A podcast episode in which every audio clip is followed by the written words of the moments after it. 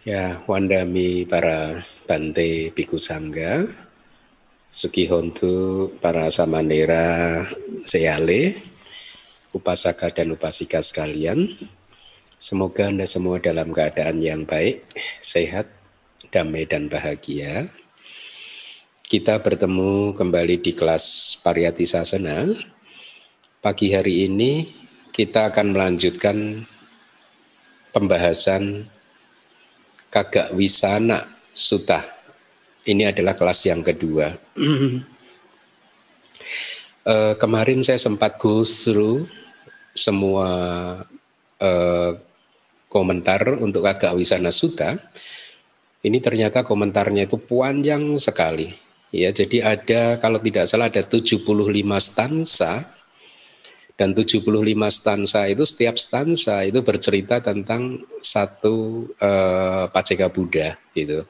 Ya uh, meskipun ada mungkin dua uh, stansa-stansa tertentu yang sangat pendek ya. Uh, ya ceritanya sangat pendek begitu. Tapi secara keseluruhan suta ini uh, sangat panjang. Uh, kata-katanya sangat panjang dan kalau saya, menurut saya itu sangat menarik karena bercerita tentang bermacam-macam atau banyak sekali cerita tentang Paceka Buddha, tentang praktek yang beliau lakukan di masa lalu, tentang eh, apa momen-momen atau yang menjadi momentum beliau untuk kemudian eh, menjadi seperti cula seekor badak, cula tunggal seekor badak, meninggalkan keduniawian dan akhirnya menjadi paceka Buddha, itu semua mengandung banyak teladan.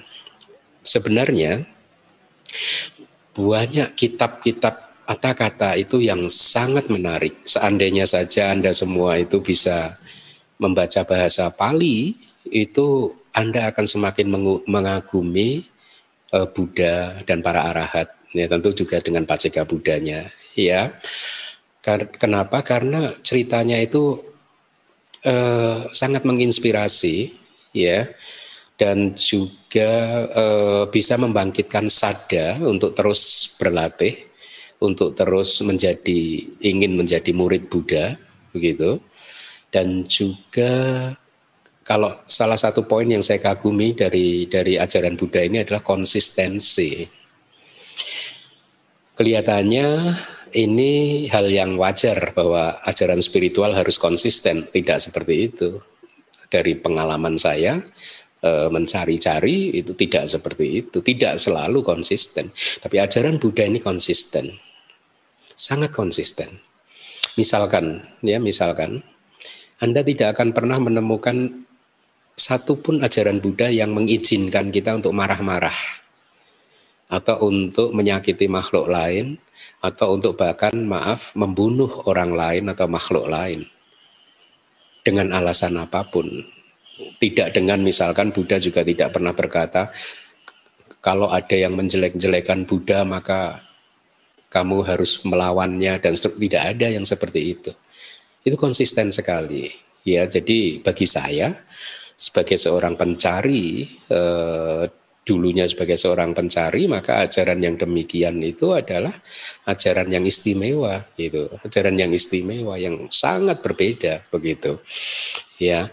Nah tapi kembali lagi sayangnya tidak semua orang bisa membaca bahasa Pali kitab dari bahasa Pali ya.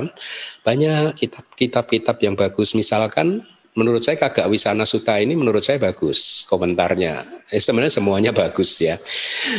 Atau ada juga kitab lain yang sangat juga saya suka, itu e, nama bukunya adalah Buddha Wangsa. Buddha Wangsa ini silsilah Buddha. Itu, itu sangat bagus sekali. Ya, sangat bagus tapi sangat panjang sekali mungkin ribuan halaman mungkin. Karena ini bercerita tentang silsilah semua Buddha dan juga praktek-praktek sebelumnya. Itu sangat menarik gitu. Jadi kadang setiap kali membaca kata-kata begitu itu, komentar-komentar seperti itu itu, niat saya itu ingin menerjemahkannya, tetapi apa daya saya ini istilahnya sendirian begitu, jadi tidak mampu untuk mengerjakan semuanya secara bersama-sama gitu. Makanya saat ini ya kita fokus dari mulai Majjhima Nikaya dulu kita terjemahkan pelan-pelan kita selesaikan nanti setelah Majjhima Nikaya selesai saya berencana pindah uh, bergerak ke Sangyuta Nikaya gitu. Kenapa saya mulai dari Majjhima Nikaya dan kemudian Sang Yuta Nikaya? Karena menurut pengalaman saya, dua Nikaya ini sangat kaya dengan ajaran-ajaran yang cukup dalam, begitu, sangat kaya sekali, gitu. Eh, apa? Oleh karena itulah itu saya prioritaskan. Nah kembali lagi, Kagak Wisana Suta terdiri dari sekitar 75 stansa yang artinya juga bercerita tentang 75 paceka Buddha yang berbeda ya. Kalau minggu lalu kita sudah mempelajari uh, satu Paceka Buddha yang uh, apa istilahnya kalimatnya yang terkenal itu adalah kalau anda masih ingat minggu lalu uh, uh, hmm, apa bahwa seseorang tidak mengharapkan anak Lalu bagaimana dia mengharapkan companion gitu, mengharapkan sahabat, mengharapkan teman, kira-kira begitu kan? Itu itu uh, katakanlah itu ya, itu ajarannya dari Paceka Buddha yang minggu lalu kita pelajari. Nah, yang minggu ini stansa nomor 2 dan nomor 3 akan saya sampaikan. Uh, tolong slide-nya di uh, ya, ya tampilkan yang nomor 36 artinya stansa yang kedua kalimatnya seperti itu untuk seseorang yang padanya terdapat pergaulan-pergaulan, maka efeknya adalah cinta, cinta eksis, akan ada cinta. Itu maksudnya begitu ya. Dengan mengikuti cinta ini maka penderitaan muncul gitu. Ketika melihat bahaya yang lahir dari cinta, seseorang seharusnya hidup seorang diri menyerupai cula seekor badak. Nah ini pelajarannya. Kalau minggu lalu kan pelajarannya itu yaitu uh, uh, Paceka Budanya tidak mengharapkan seorang putra, seorang anak. Lalu bagaimana mungkin dia mengharapkan teman, sahabat atau ya teman atau sahabat begitu ya. Nah uh, next slide. Stansa yang berikutnya ini bercerita tentang kembali lagi, jadi setiap stansa bercerita tentang satu paceka Buddha. Ya, jadi ini adalah paceka Buddha yang berbeda lagi gitu. Bersimpati terhadap teman-teman yang memiliki hubungan baik dengan batin yang terikat, maka seseorang menghancurkan sesuatu yang berguna. Jadi artinya itu berisiko bersimpati terhadap teman-teman yang memiliki hubungan baik tapi ada kata lanjutannya dengan batin yang terikat itu berisiko tinggi. Yaitu kenapa? Bisa menghancurkan sesuatu yang tidak berguna. Ketika melihat bahaya di dalam keakraban ini, seseorang seharusnya hidup seorang diri menyerupai cula seekor badak. Pertanyaan yang ingin Anda semua merenungkannya, pertanyaan saya adalah tanpa bantuan komentar, Bagaimana Anda memahami dua stansa tersebut? Kalau saat ini yang mendengarkan ceramah saya ada katakanlah eh, 300, 400, 500 orang, begitu. Kalau menolak komentar semuanya, maka yang ada adalah akan ada 500 interpretasi terhadap suta tersebut. Berbahaya kan? Karena interpretasi itu muncul dari batin seorang putu jana yang bisa saja sangat-sangat tidak bermanfaat untuk kemajuan spiritual kita, untuk pencapaian maga, palak dan e, nibana begitu ya. Nah, mari kita uh, saya akan sampaikan penjelasan dari kata-katanya. Untuk stansa yang kedua atau yang nomor 36 tadi di awal ditanyakan bagaimana asal mula kemunculan dari stansa ini gitu. Jadi diceritakan bahwa Paceka Buddha ini yang ada di stansa yang mengajarkan ajaran di stansa 36 tadi itu pun juga melaksanakan samana dhamma. Samana dhamma itu kewajiban seorang pertapa. Ya, kalau kitab komentar yang lain menyebutkan samana dhamma atau kewajiban seorang pertapa itu adalah e, mengembangkan jalan mulia berunsur delapan melalui praktek meditasi yaitu samana dhamma atau kewajiban seorang pertapa. Arti samana bisa diterjemahkan jadi pertapa, bisa juga diterjemahkan jadi biku. Jadi kewajiban seorang biku itu mengembangkan jalan mulia berunsur delapan. Itu salah satu kewajibannya ya karena ada kewajiban yang lain untuk para samana, untuk para biku yaitu eh, ganta dura dan wipasana dura. Ganta dura itu pariyati menempuh jenjang pariyati, wipasana kemudian adalah artinya setelah pariyatinya selesai maka kewajibannya adalah berwipasana gitu ya. Nah, Paceka Buddha ini menyelesai, uh, melaksanakan, bukan menyelesaikan, melaksanakan samana dhamma selama 20 ribu tahun di dalam ajarannya Buddha Kasapa. Jadi beliau adalah seorang biku uh, murid Buddha Kasapa. Ya, seperti di stansa yang pertama uh, itu juga murid uh, Buddha Kasapa. Ya, uh, mengikuti ajarannya Buddha Kasapa. Ya. Setelah di, di, di, diceritakan setelah melakukan pekerjaan persiapan dengan kasina, jadi bermeditasi dengan kasina, itu ya, beliau mencapai jana yang pertama. Ya, e, setelah mencapai jana yang pertama, e, beliau berwipasana, ya, e, menetapkan batasan nama dan rupa, ya. Jadi ini adalah pengetahuan wipasana yang pertama yaitu menetapkan bahwa ini nama, ini batin, ini materi begitu. Itu berwipasana itu seperti itu. Ketika konsentrasi Anda sudah berkembang, guru Anda akan mengarahkan Anda untuk melihat nama dan rupa, untuk pertama-tama membedakan dan menetapkan oh yang ini nama, oh yang ini rupa, ini rupa, itu nama, ini rupa, ini nama dan seterusnya dianalisa seperti itu dan juga memahami karakteristik dengan melalui eh, pencapaian pengetahuan wipasana yang disebut sama sana nyana ya. Pengetahuan sama sana nyana ini adalah pengetahuan yang membuat yogi bisa melihat keseluruhan proses dari nama dan rupa dari kemunculannya bertahan sesaat padam atau lenyap, muncul bertahan sesaat lenyap atau bahasa palinya upada titik bangga, upada titik bangga. Menarik ya, padahal itu dalam kecepatan yang sangat tinggi. Yogi bisa melihat upada titik bangga dari nama dan uh, rupa gitu. Nah, tetapi walaupun demikian uh, beliau tadi tidak mencapai Arya Maga, tidak mencapai jalan dan juga tidak tentu tidak mencapai buah ya. Sehingga akhirnya ketika setelah menjadi biku murid Buddha Kasapa itu tadi beliau meninggal dunia tanpa mencapai Arya Maga, jalan Arya ya, jalan uh, yang mulia begitu. Beliau meninggal dunia dan akhirnya lahir di Brahma Loka, di dunia para Brahma ya. Nah, hidup di dunia para Brahma dan setelah meninggal dari sana, beliau lahir di dalam kandungan seorang ratu di kota atau kerajaan Baranasi ya.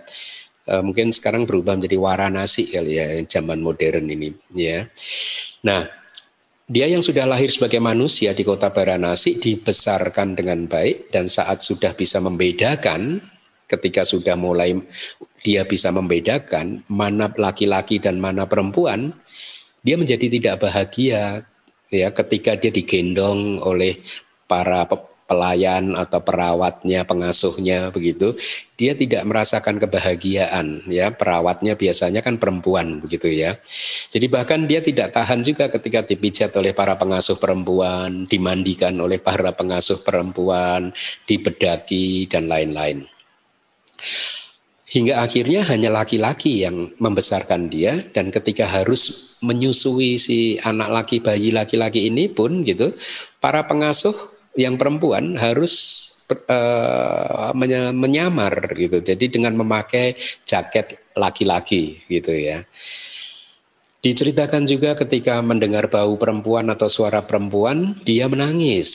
Bahkan ketika dia sudah remaja, dia tidak mau melihat wanita atau perempuan. Ini maaf ya, e, tidak bermaksud untuk apa hmm, membeda-bedakan gender ya, tetapi ini pelajaran dharmanya seperti itu karena berkaitan dengan e, pencapaian kesucian kan ya.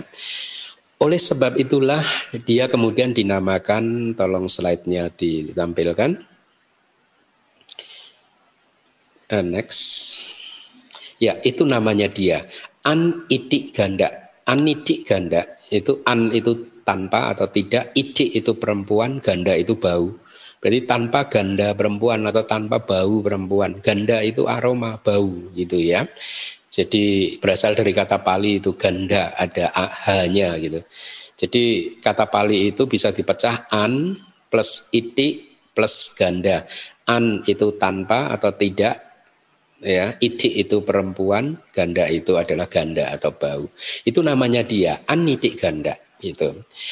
Ketika Anitik Ganda atau pangeran ini berusia 16 tahun, raja berpikir sebagai berikut.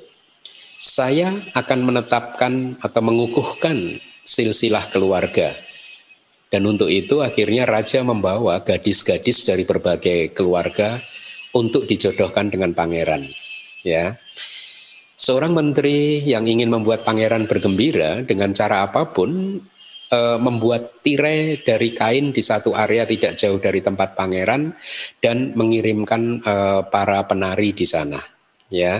Jadi kayak kayak pewayangan loh wayang kulit gitu loh paham nggak wayang kulit itu kan ada layarnya, kemudian penonton melihat dari baliknya begitu kan, ada bayang-bayangnya. Nah ini para menteri juga menghibur pangeran dengan cara seperti itu. Dia membentangkan layar yang besar Kemudian di seberang atau di baliknya itu ada para penari perempuan menari. Jadi pangeran hanya melihat bayang-bayangnya begitu, ya.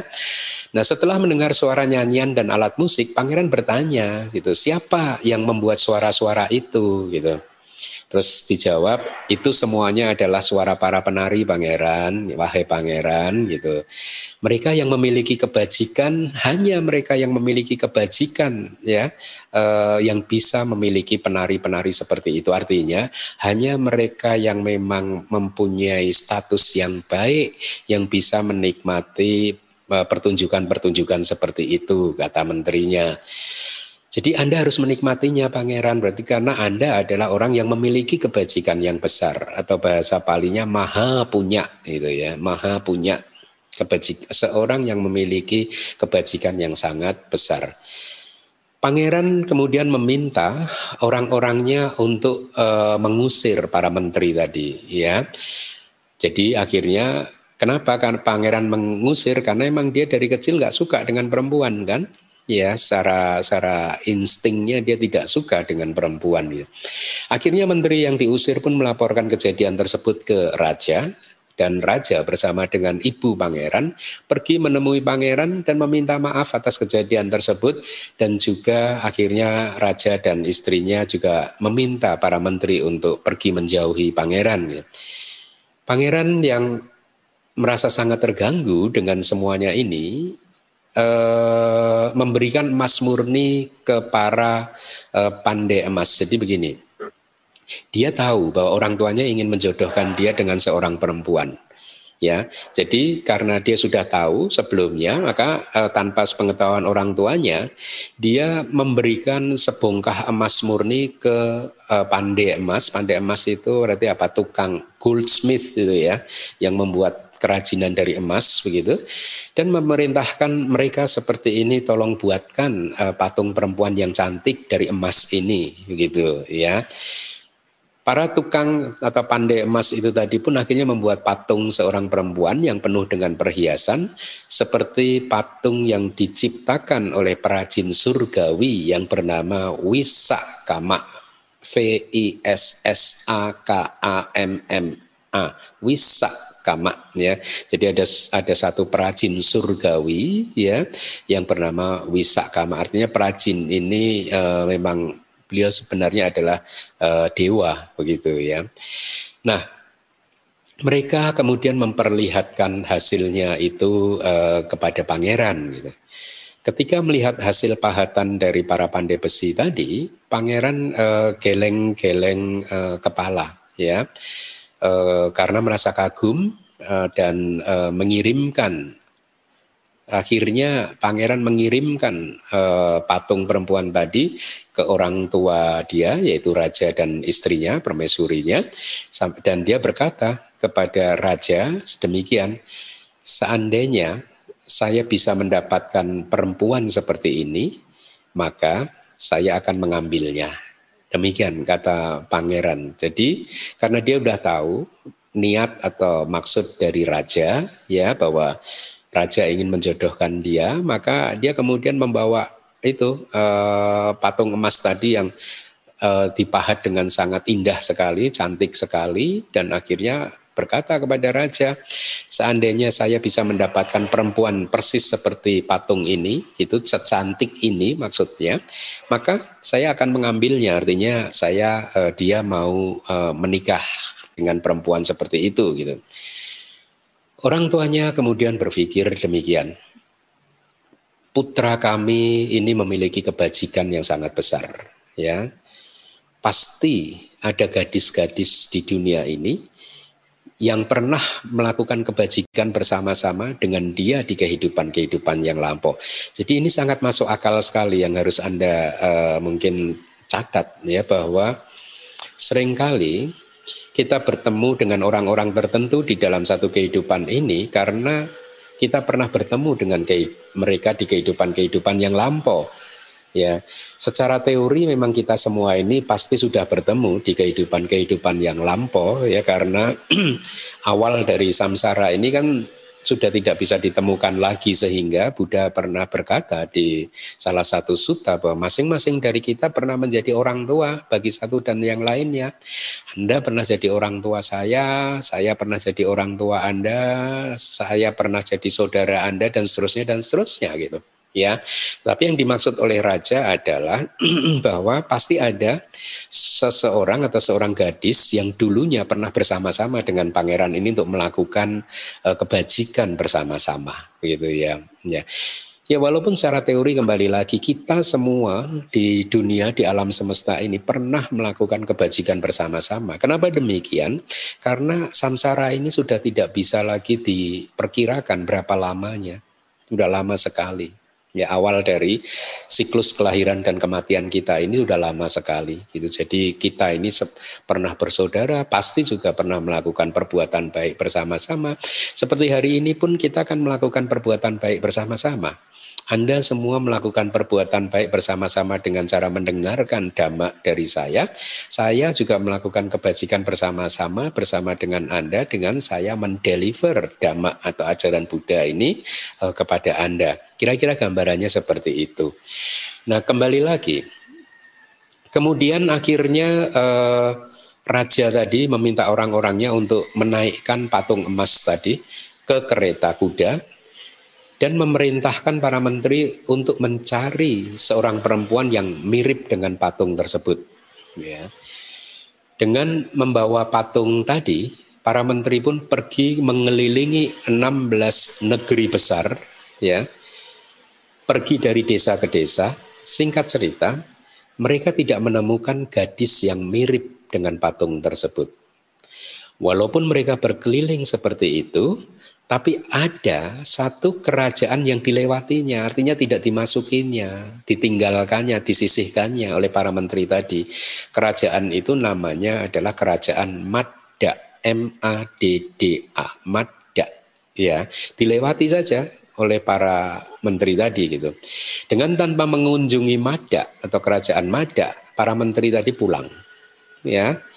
Di tengah perjalanan mereka kemudian berpikir, ya, kalau saya tidak mengunjungi Mada, begitu nanti sampai di kerajaan ditanya oleh raja, apakah semua negeri sudah dikunjungi dan saya menjawab, ya semua kecuali kerajaan Mada, pasti raja akan meminta kami kembali untuk berkeliling di kerajaan Mada gitu. Nah daripada nanti terjadi yang seperti itu lebih baik sekarang sebelum sampai kerajaan atau sebelum sampai ke kerajaan dia sendiri, mereka sendiri, akhirnya mereka memutuskan untuk balik lagi untuk menuju ke kerajaan uh, Mada. Ya, mereka pun akhirnya masuk ke negeri Mada dan tiba di sebuah kota yang bernama Sagala. S A panjang G A L A Sagala gitu ya. Adanya di kerajaan Mada.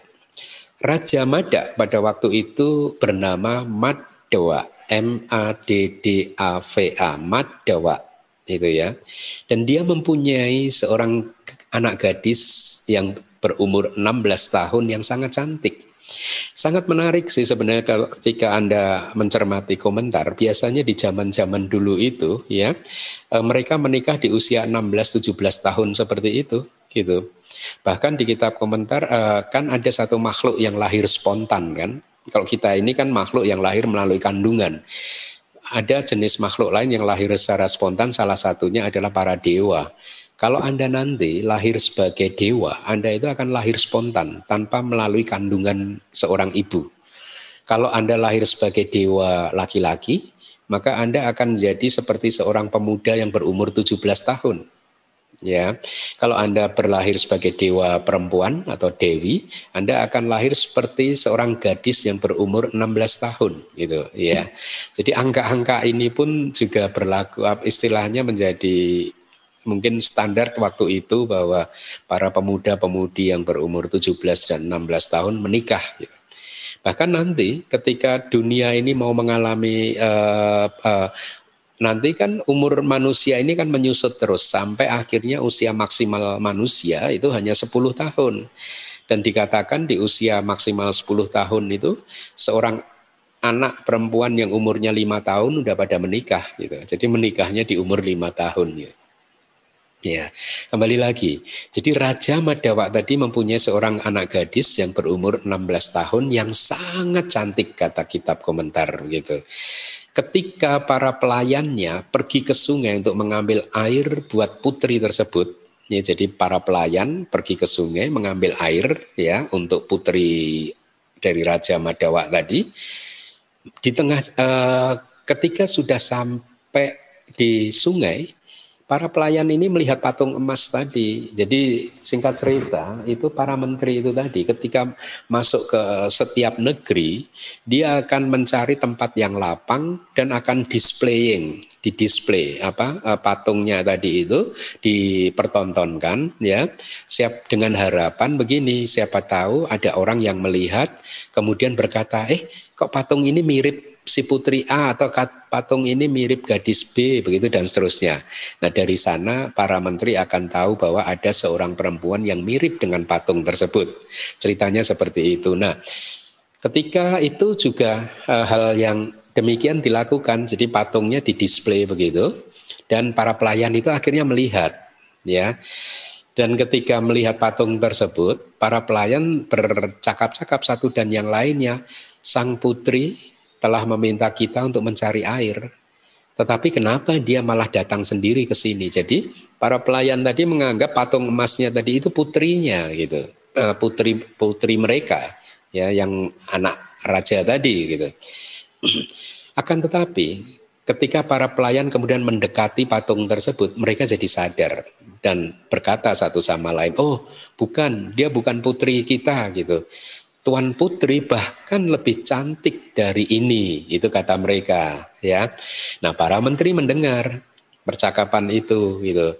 Mereka pun akhirnya singkat cerita mendekat ke Raja Mada, Madawa, ya artinya mengunjungi Raja Madawa dan dengan cara yang sopan menyampaikan niatnya hingga akhirnya dengan cara yang baik juga mereka meminta atau meminang uh, putrinya uh, putri raja tersebut. Singkat cerita raja memberikan putrinya. Para menteri setelah mendapatkan putri yang mirip dengan patung emas tadi mengirimkan pesan ya uh, ke Baranasi atau Waranasi. Demikian pesannya. Kami telah menemukan gadis yang diinginkan raja, itu wahai raja, gitu, Anda akan datang sendiri untuk menjemput gadis ini, atau kami yang harus membawanya uh, ke hadapan Anda. Demikian pesan dari menterinya gitu. Dan uh, raja menjawab uh, via pesan tentu saja zaman dulu berbeda ya kalau sekarang ada ada WhatsApp dan lain sebagainya. Zaman dulu mungkin melalui kurir atau melalui uh, yang biasanya itu burung apa merpati gitu ya mungkin ya uh, uh, penyampaian pesannya itu seperti itu. Nah singkat cerita Raja menjawab pesan tadi seperti ini.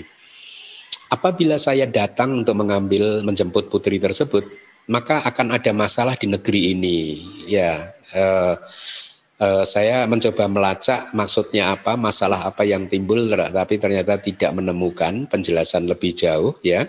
Jadi hanya ada kalimat seperti itu. Kalau saya meninggalkan atau keluar kota, katakanlah begitu, maka akan ada masalah di kerajaannya gitu.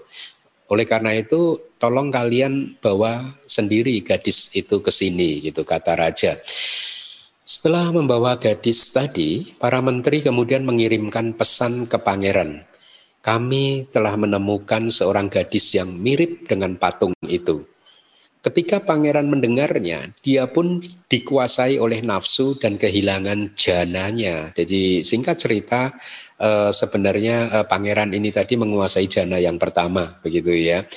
Nah, eh, ketika dikuasai oleh nafsu seperti itu, dia pun akhirnya kehilangan jananya. Ya.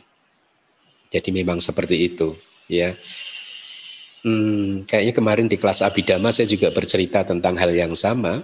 Saya pernah mendengar cerita ada dua orang bante uh, di zaman modern ini, di zaman-zaman sekarang saja ada dua orang bante yang sama-sama menguasai jana, dikirim oleh gurunya untuk menyebarkan ajaran Buddha di satu negara, itu. Ya, singkat cerita Bante Bante ini berarti kan senior dan junior kan. Nah singkat cerita Bante yang senior ini yang seharusnya itu menjadi pemimpinnya di di, di wihara yang baru dibangun di negeri tersebut jatuh cinta terhadap gadis di negeri tersebut. Dan mereka akhirnya menikah. Jadi bantenya lepas jubah dan akhirnya menikah gitu. Ya di kelas abidama kemarin saya jelaskan seperti ini. Ini true story ya uh, dan kemarin saya sampaikan bahwa ya kemungkinannya seperti itu. Meskipun sudah menguasai jana tapi selama seseorang itu masih putu jana maka kejadian seperti itu ya masih bisa terjadi gitu. Ya masih bisa terjadi gitu. Nah uh, poin yang saya juga ingin Anda paham bahwa seseorang itu hanya ketika berada di dalam jana, di dalam pencapaian meditatifnya, batinnya itu murni, bebas dari kilesa. Tetapi ketika dia sudah keluar dari jana, maka secara perlahan-lahan selama dia ini adalah seorang putu jana maka semua kilesa juga akan muncul menyerbu dia juga begitu ya nah persis sama cerita tentang pangeran ini ketika mendengar kabar tersebut saja gitu ya eh, hanya mendengar suara itu tadi bahwa kami telah menemukan seorang perempuan yang mirip dengan patung tersebut pikirannya hatinya langsung dikuasai oleh nafsu dan akhirnya membuat dia kehilangan jananya gitu. Makanya kan ada ada apa uh, jokes atau apa ya itu ya. Ini saya saya udah baca lama sekali sih gitu. Hati-hati gitu. Ketika seorang laki-laki melihat seorang perempuan atau sebaliknya seorang uh, perempuan melihat seorang laki-laki gitu mata mata laki-laki hanya melihat wajah atau mungkin mata laki ya katakanlah mata hanya melihat wajah lawan jenis itu tadi tetapi pikiran bisa melihat semuanya dan akhirnya menjadi merusak uh, pikiran kita gitu. Karena fantasi kita, khayalan-khayalan kita, nafsu-nafsu keinginan uh, kita itu kalau tidak dikendalikan itu akan merusak segalanya, akan membuat seseorang yang tadinya udah baik menjadi seperti pangeran itu tadi ya e, jananya akhirnya hilang atau seseorang sudah memakai jubah akhirnya meminta untuk e, lepas jubah seperti Bante tadi yang akhirnya lebih baik lepas jubah dan menikah gitu ya. Nah, kondisinya seperti itu. Itu terjadi karena semuanya masih putu jana. Ya, semuanya masih putu jana. Ya, sesungguhnya secara teori meskipun mencapai sotapana tingkat kesucian sotapana atau sakadagami pun masih bisa kembali dengan uh, menikah gitu. Tetapi harusnya itu sangat susah bagi seorang sotapana biku sotapana atau biku sakadagami lepas jubah itu harusnya uh, sulit sekali kejadiannya gitu ya. Nah saya lanjutkan. Jadi pangeran akhirnya kehilangan jana yang pertamanya ya. Dan karena didorong dikuasai oleh nafsu yang sangat kuat, pangeran segera mengirimkan utusan ya. Secara beruntun dikatakan di dalam komentar itu. Beruntun artinya kalau kalau menggunakan WA gitu mungkin satu pesan terus kirim pesan kedua, pesan ketiga, pesan keempat, pesan kelima dan seterusnya begitu. Jadi kitab komentar pun juga eh, menceritakan seperti itu. Pangeran akhirnya karena hatinya sudah dikuasai seperti itu tidak sabar, dia mengirimkan pesan secara beruntun, artinya mengirim kurir orang secara beruntun gitu ya. Eh, dengan pesan sebagai berikut segera bawa dia kemari, segera bawa dia kemari, artinya segera bawa perempuan itu ke hadapan pangeran.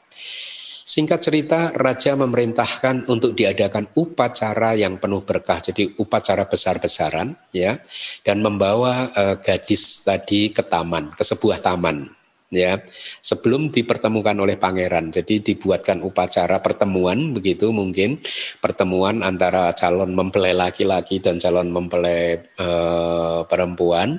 Tapi ini raja mengadakannya di sebuah taman, gitu ya, dengan upacara yang besar-besaran. Akan tetapi karena kelembutan jasmani dari gadis tadi, ya, dan dia juga terguncang-guncang di dalam kereta kuda selama perjalanan dari kerajaan Mada menuju ke Baranasi ini, ya. Karena perjalanan juga memakan waktu yang berhari-hari, ya akhirnya kondisi itu membuat dia menjadi kelelahan, gitu ya karena perjalanan yang jauh begitu. Jangankan naik kereta kuda zaman dulu ya naik mobil juga kadang kalau jarak jauh juga kita capek kan ya. Nah singkat cerita dikatakan dia jadi masuk angin gitu. Komentar pun mengenal kata masuk angin ini gitu ya. Layu gadis yang dikatakan cantik tadi menjadi layu seperti bunga yang layu dan tragisnya akhirnya dia meninggal dunia pada malam hari itu juga ya. Para para menteri menangisi kejadian tersebut dan meratap karena dia merasa telah kehilangan kehormatan. Artinya telah kehilangan kesempatan kira-kira kayak kehilangan kesempatan untuk naik pangkat karena jasa dia yang telah berhasil menemukan seorang perempuan yang diinginkan oleh pangeran tadi gitu ya. Jadi dia meratapi eh, ketidakberuntungannya gitu. Warga pun dikatakan juga menangis Ketika mendengar kabar kematian gadis tersebut, pangeran pun juga menjadi sedih. Dia kemudian mencari tahu apa sebab kesedihan ini. Nah, ini yang menarik, ya. Ada orang-orang tertentu yang secara naluri itu seperti pangeran ini. Ketika muncul kejadian yang sangat menyentakkan hati dia, gitu, dia kemudian menelusuri apa yang menjadi penyebab dari kesedihan ini. Inilah wipasana. Ya. Jadi e, hal demikian bisa terjadi karena pangeran ini di masa lalu juga sudah melaksanakan samana dhamma atau kewajiban seorang e, biku atau seorang pertapa yaitu mengembangkan jalan mulia berunsur delapan gitu. Jadi ketika mengalami kesedihan seperti itu insting nalurinya lalu langsung mencari tahu apa yang membuat kesedihan ini muncul.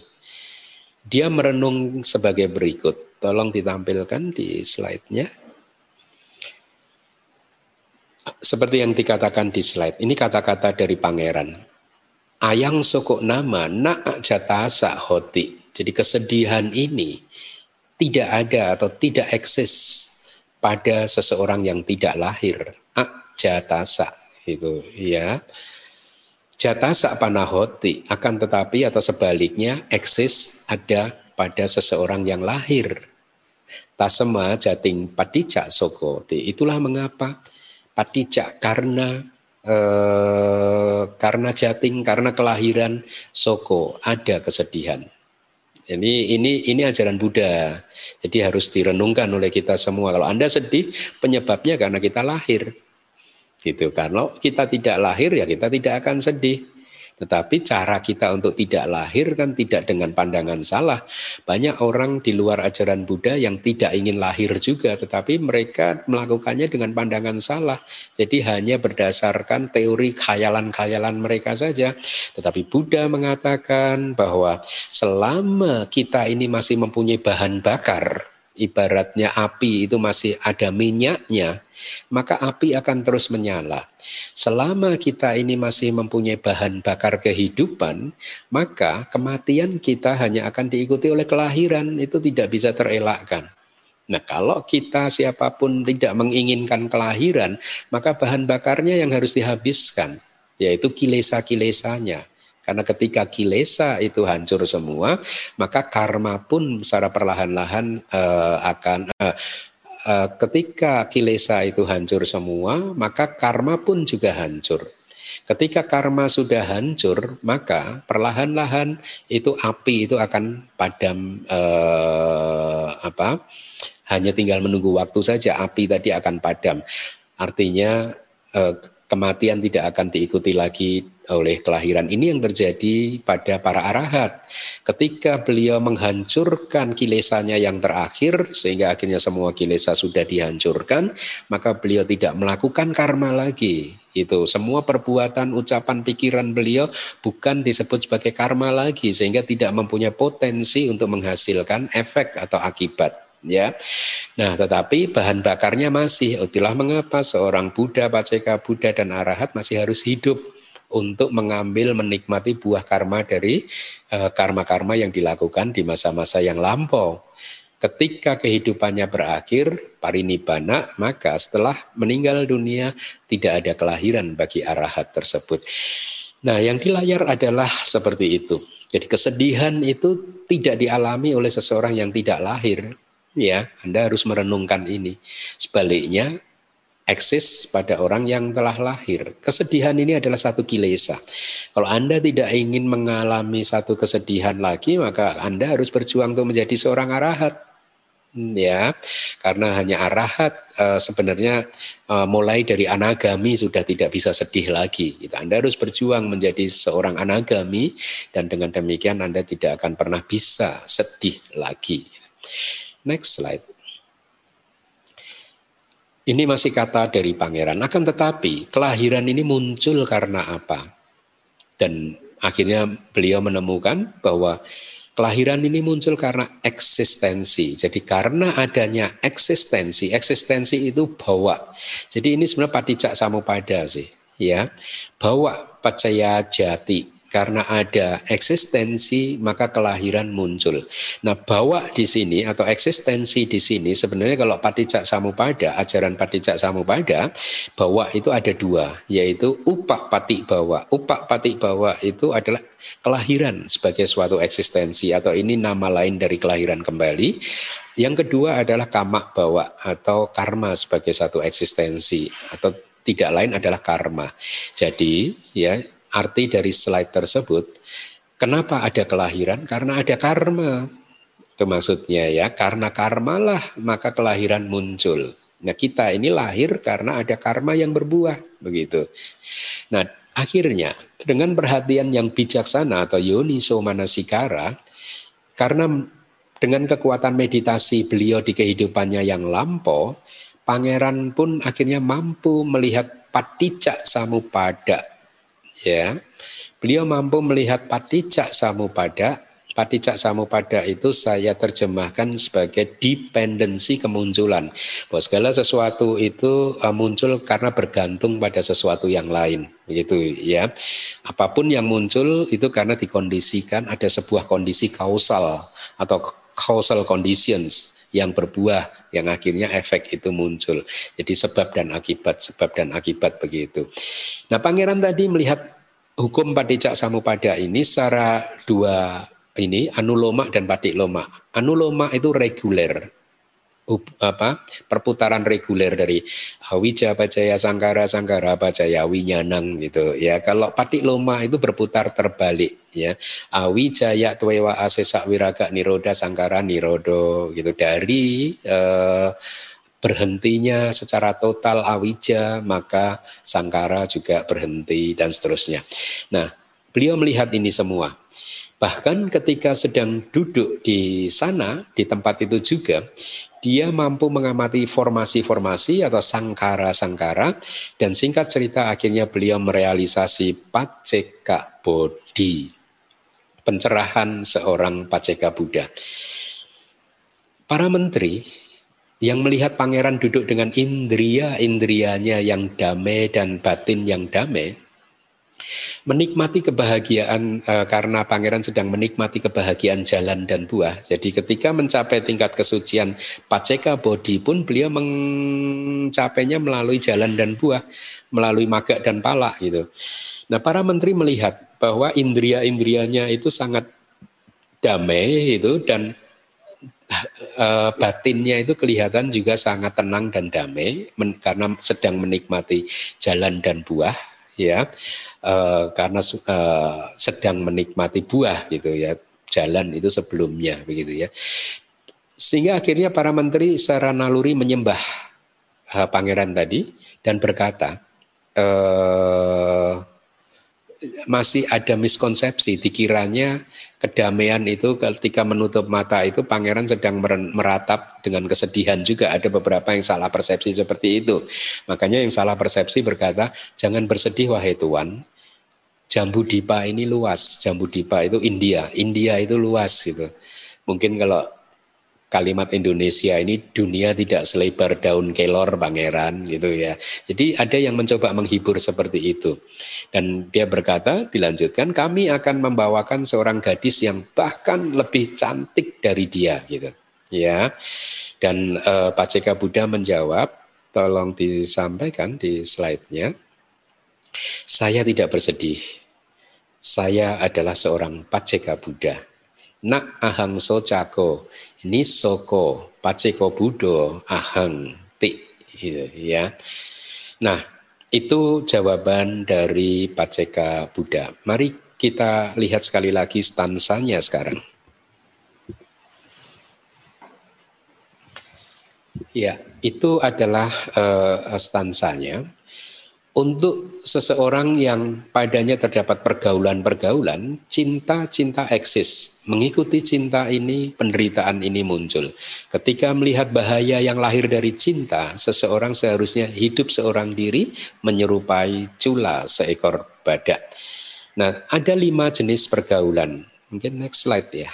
Ya, ada lima jenis pergaulan atau kemunculan dari pergaulan. Satu bisa muncul karena adanya penglihatan, kedua karena adanya pendengaran, ketiga karena tubuh jasmani, keempat percakapan, dan yang terakhir hidup bersama. Apa itu artinya?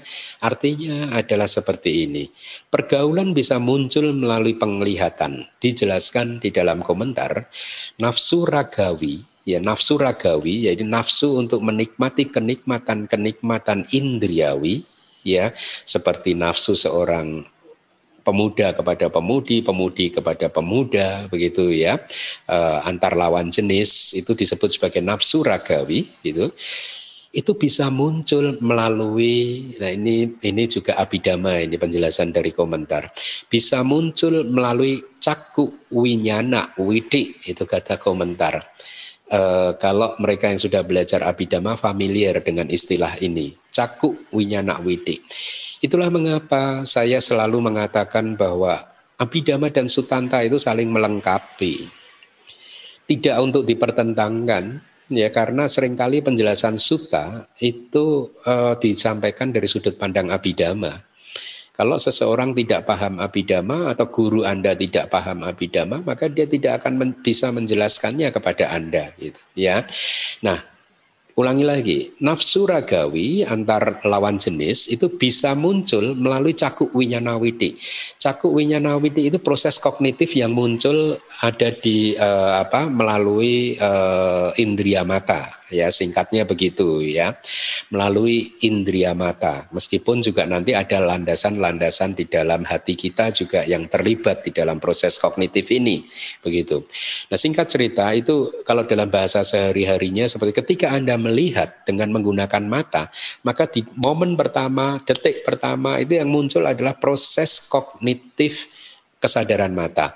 Atau dengan nama lain juga ada yaitu caku dwarawidi atau proses kognitif pintu mata. Ya jadi proses ini hanya bersandar pada awalnya di indria mata kita melihat.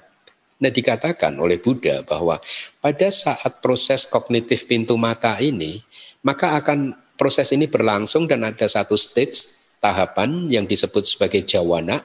Jawana ini adalah impuls begitu. Di tahapan impuls ini ya kesadaran yang baik ataupun yang tidak baik bisa muncul. Nah, dalam konteks cerita di dalam suta ini eh, pergaulan bisa muncul atau nafsu ragawi bisa muncul ketika kita melihat seseorang. Ya. Sehingga di impuls tadi yang muncul adalah attachment. Yang muncul adalah kalau kalau kalau bahasa abidamanya itu adalah cetasika loba, ya keserakahan. Ya, jadi keserakahan itu termasuk cinta laki-laki ke perempuan atau perempuan ke laki-laki itu muncul juga dari cetasika loba atau cetasika keserakahan. Ya, nafsu itu semua ada di situ. Bahkan tanha itu juga adalah cetasika loba itu ya nah tetapi sesungguhnya apabila bahkan ketika melihat nafsu ragawi itu muncul nafsu ragawi ini masih kecil masih lemah sekali tidak atau belum bisa mem, tidak mempunyai kekuatan apabila dia sebagai karma produktif tidak mempunyai kekuatan untuk memunculkan kelahiran di empat apaya. Tetapi problemnya adalah ini uh, uh, ini realitanya, faktanya, ajaran Buddha, tapi ini fakta. Ketika proses kognitif di pintu mata ini selesai, maka akan muncul proses-proses yang lain. Ini yang repot, yaitu proses di dalam hati kita, di dalam landasan jantung atau landasan hati kita, atau proses kognitif yang muncul di pintu batin.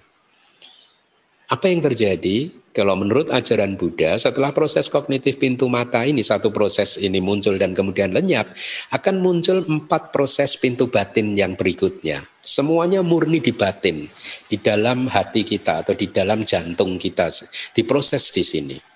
Proses yang kedua yang muncul adalah yang disebut sebagai proses kognitif yang mengambil objek yang masa lampau, atida gahana ya. Jadi misalkan ada seorang pemuda melihat seorang perempuan ya. Di momen pertama sudah muncul nafsu ragawi. Meskipun ini ibaratnya api itu masih lemah, apinya masih kecil. Tetapi kalau yang bersangkutan tidak menerapkan yoniso manasikara, perhatian yang tidak eh, atau perhatian yang bijaksana, maka api yang kecil tadi akan membesar ketika masuk ke proses kognitif yang kedua di dalam hati kita, di dalam pikiran kita bahasa sehari-harinya.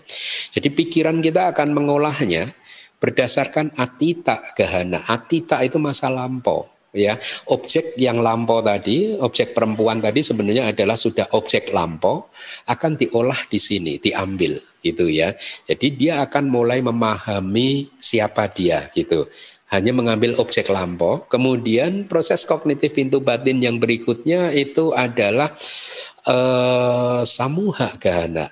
Samuha gahana itu si yang bersangkutan akan mulai memahami objek itu secara keseluruhan.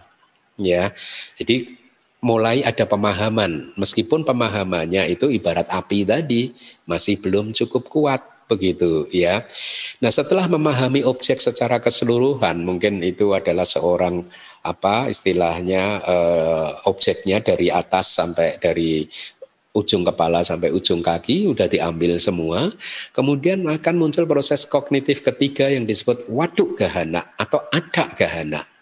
Waduk gahana atau ada gahana itu adalah pengambilan makna atau memahami maknanya. Oh, oh dia ini adalah katakanlah eh, eh, apa? hmm, katakanlah seorang perempuan begitu ya sudah mulai makna itu mulai muncul. Yang terakhir proses kognitif yang keempat adalah nama gahana. Nama gahana itu memahami namanya gitu. Oh ini perempuan dengan nama A B C dan D gitu ya.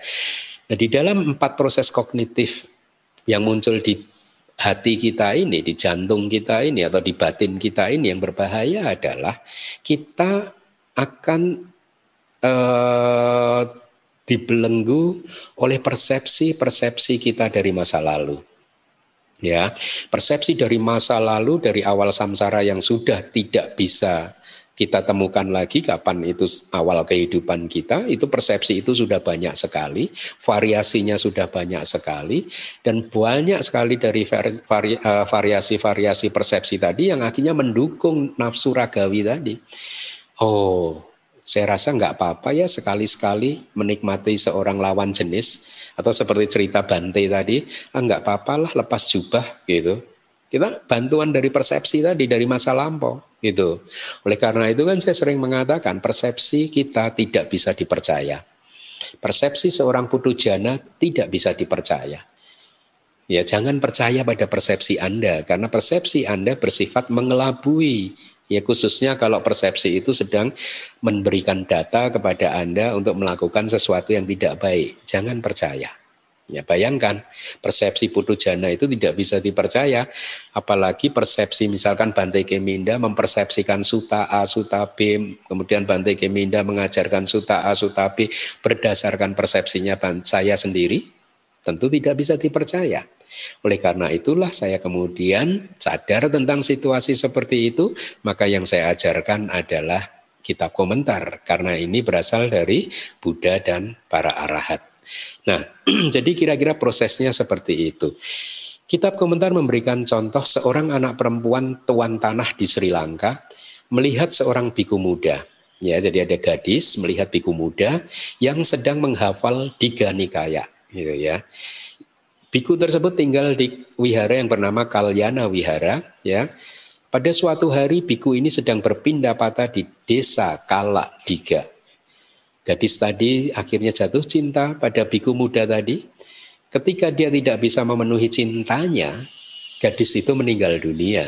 Ya, karena kayak bertepuk sebelah tangan, tahu dia seorang biku gitu, dia sudah nggak ada harapan untuk bisa mendapatkan biku itu. Singkat cerita gadis itu meninggal dunia. Ketika biku muda tadi melihat sarung perempuan tadi, dia berpikir, saya tidak mendapatkan kesempatan untuk hidup bersama dengan gadis yang mengenakan sarung ini. Akhirnya dia pun uh, patah hati dan juga diceritakan meninggal dunia. Jadi itu bahayanya pergaulan atau kontak melalui mata. Makanya Anda harus senantiasa menerapkan yoniso manasikara ketika melihat, mendengar, dan seterusnya. Karena kalau tidak, maka kilesa bisa muncul. Seperti cerita tadi. Nah yang kedua, pergaulan melalui pendengaran. Jadi nafsu ragawi bisa muncul melalui sotak winyana widi. Jadi melalui proses kognitif di pintu telinga. Prosesnya sama setelah didengar di pintu telinga, maka apa yang sudah kita dengar ini kita ambil di dalam hati, kita olah lagi seperti itu tadi, seperti yang sebelumnya yang terjadi di proses kognitif pintu mata gitu ya. Jadi setelah mendengar ada seorang gadis yang dilengkapi dengan kecantikan-kecantikan yang extraordinary yang digambarkan oleh orang-orang seperti ini dan seperti itu. Jadi dia mendengar nih ada orang cerita tentang gadis A, gadis B ini cantik, bentuknya seperti itu dan seterusnya begitu ya. Atau dia mendengarnya sendiri suara tawa dari gadis, seorang gadis ya. Atau dia mendengar seorang gadis sedang eh, seorang gadis sedang bercakap-cakap atau dia mendengar seorang gadis sedang bernyanyi. Jadi nafsu bisa muncul melalui telinga gitu ya. Nah, diberikan contoh pemuda yang bernama Tisa gitu. Jadi ada anak perempuan atau anak gadis yang merupakan anak seorang pandai emas yang hidup di desa Girigama pergi ke danau Terate bersama dengan lima gadis yang lainnya. Di sana mereka mandi dan bersolek dengan kalung bunga. Gitu. Ketika pemuda Tisa itu eh, jadi dikatakan pemuda Tisa ini mempunyai abinya apinya itu kayak kesaktian begitu. Dia bisa terbang gitu ya. Jadi pemuda Tisa ini terbang dengan menggunakan abinya tadi, kesaktian tadi. Dia ketika di atas dia mendengar ada suara seorang gadis yang sedang bersenandung ya dengan suara yang merdu dan cukup kencang gitu. Singkat cerita nafsu pun muncul dan akhirnya diceritakan dia pun kehilangan kesaktiannya dan sengsara gitu ya. Yang ketiga adalah pergaulan melalui tubuh jasmani. Tadi nafsu ragawi muncul melalui mata dan telinga, sekarang melalui tubuh jasmani. Apa itu maksudnya? Jadi nafsu bisa muncul ketika Anda bersentuhan dengan lawan jenis. Ya, seorang biku menyentuh perempuan, seorang bikuni menyentuh pemuda laki-laki, seorang samanera menyentuh gadis, seorang seale menyentuh pemuda, bisa muncul nafsu. Ya, Diberikan contoh, seorang biku sedang mengajar dhamma di Mahawihara. Ketik pada saat itu orang-orang berbondong-bondong datang dan raja serta para selirnya pun datang ikut mendengarkan dhamma. Putri raja pun ikut mendengarkan dhamma. Tapi singkat cerita, ketika melihat biku yang sedang berceramah, putri raja itu dikuasai oleh nafsu yang kuat karena melihat bentuk tubuh dari bikunya, suara dari biku muda tadi dan lain sebagainya ya. Hal yang sama juga dialami oleh biku yang sedang berceramah tadi, gitu. Ketika mengetahui hal ini, raja pun akhirnya memasang membatasi putrinya itu dengan tirai mengelilingi putrinya supaya tidak bisa melihat ke arah bikunya lagi gitu. Ya, singkat cerita akan tetapi karena dia udah saling jatuh cinta, akhirnya e, mereka saling bertemu dan e, terjadilah sentuhan fisik, kontak fisik ya uh, antara biku muda tadi dan perempuan tadi ya uh, Singkat cerita akhirnya ditemukan uh, mereka ini keduanya sama-sama meninggal dunia berpelukan gitu ya.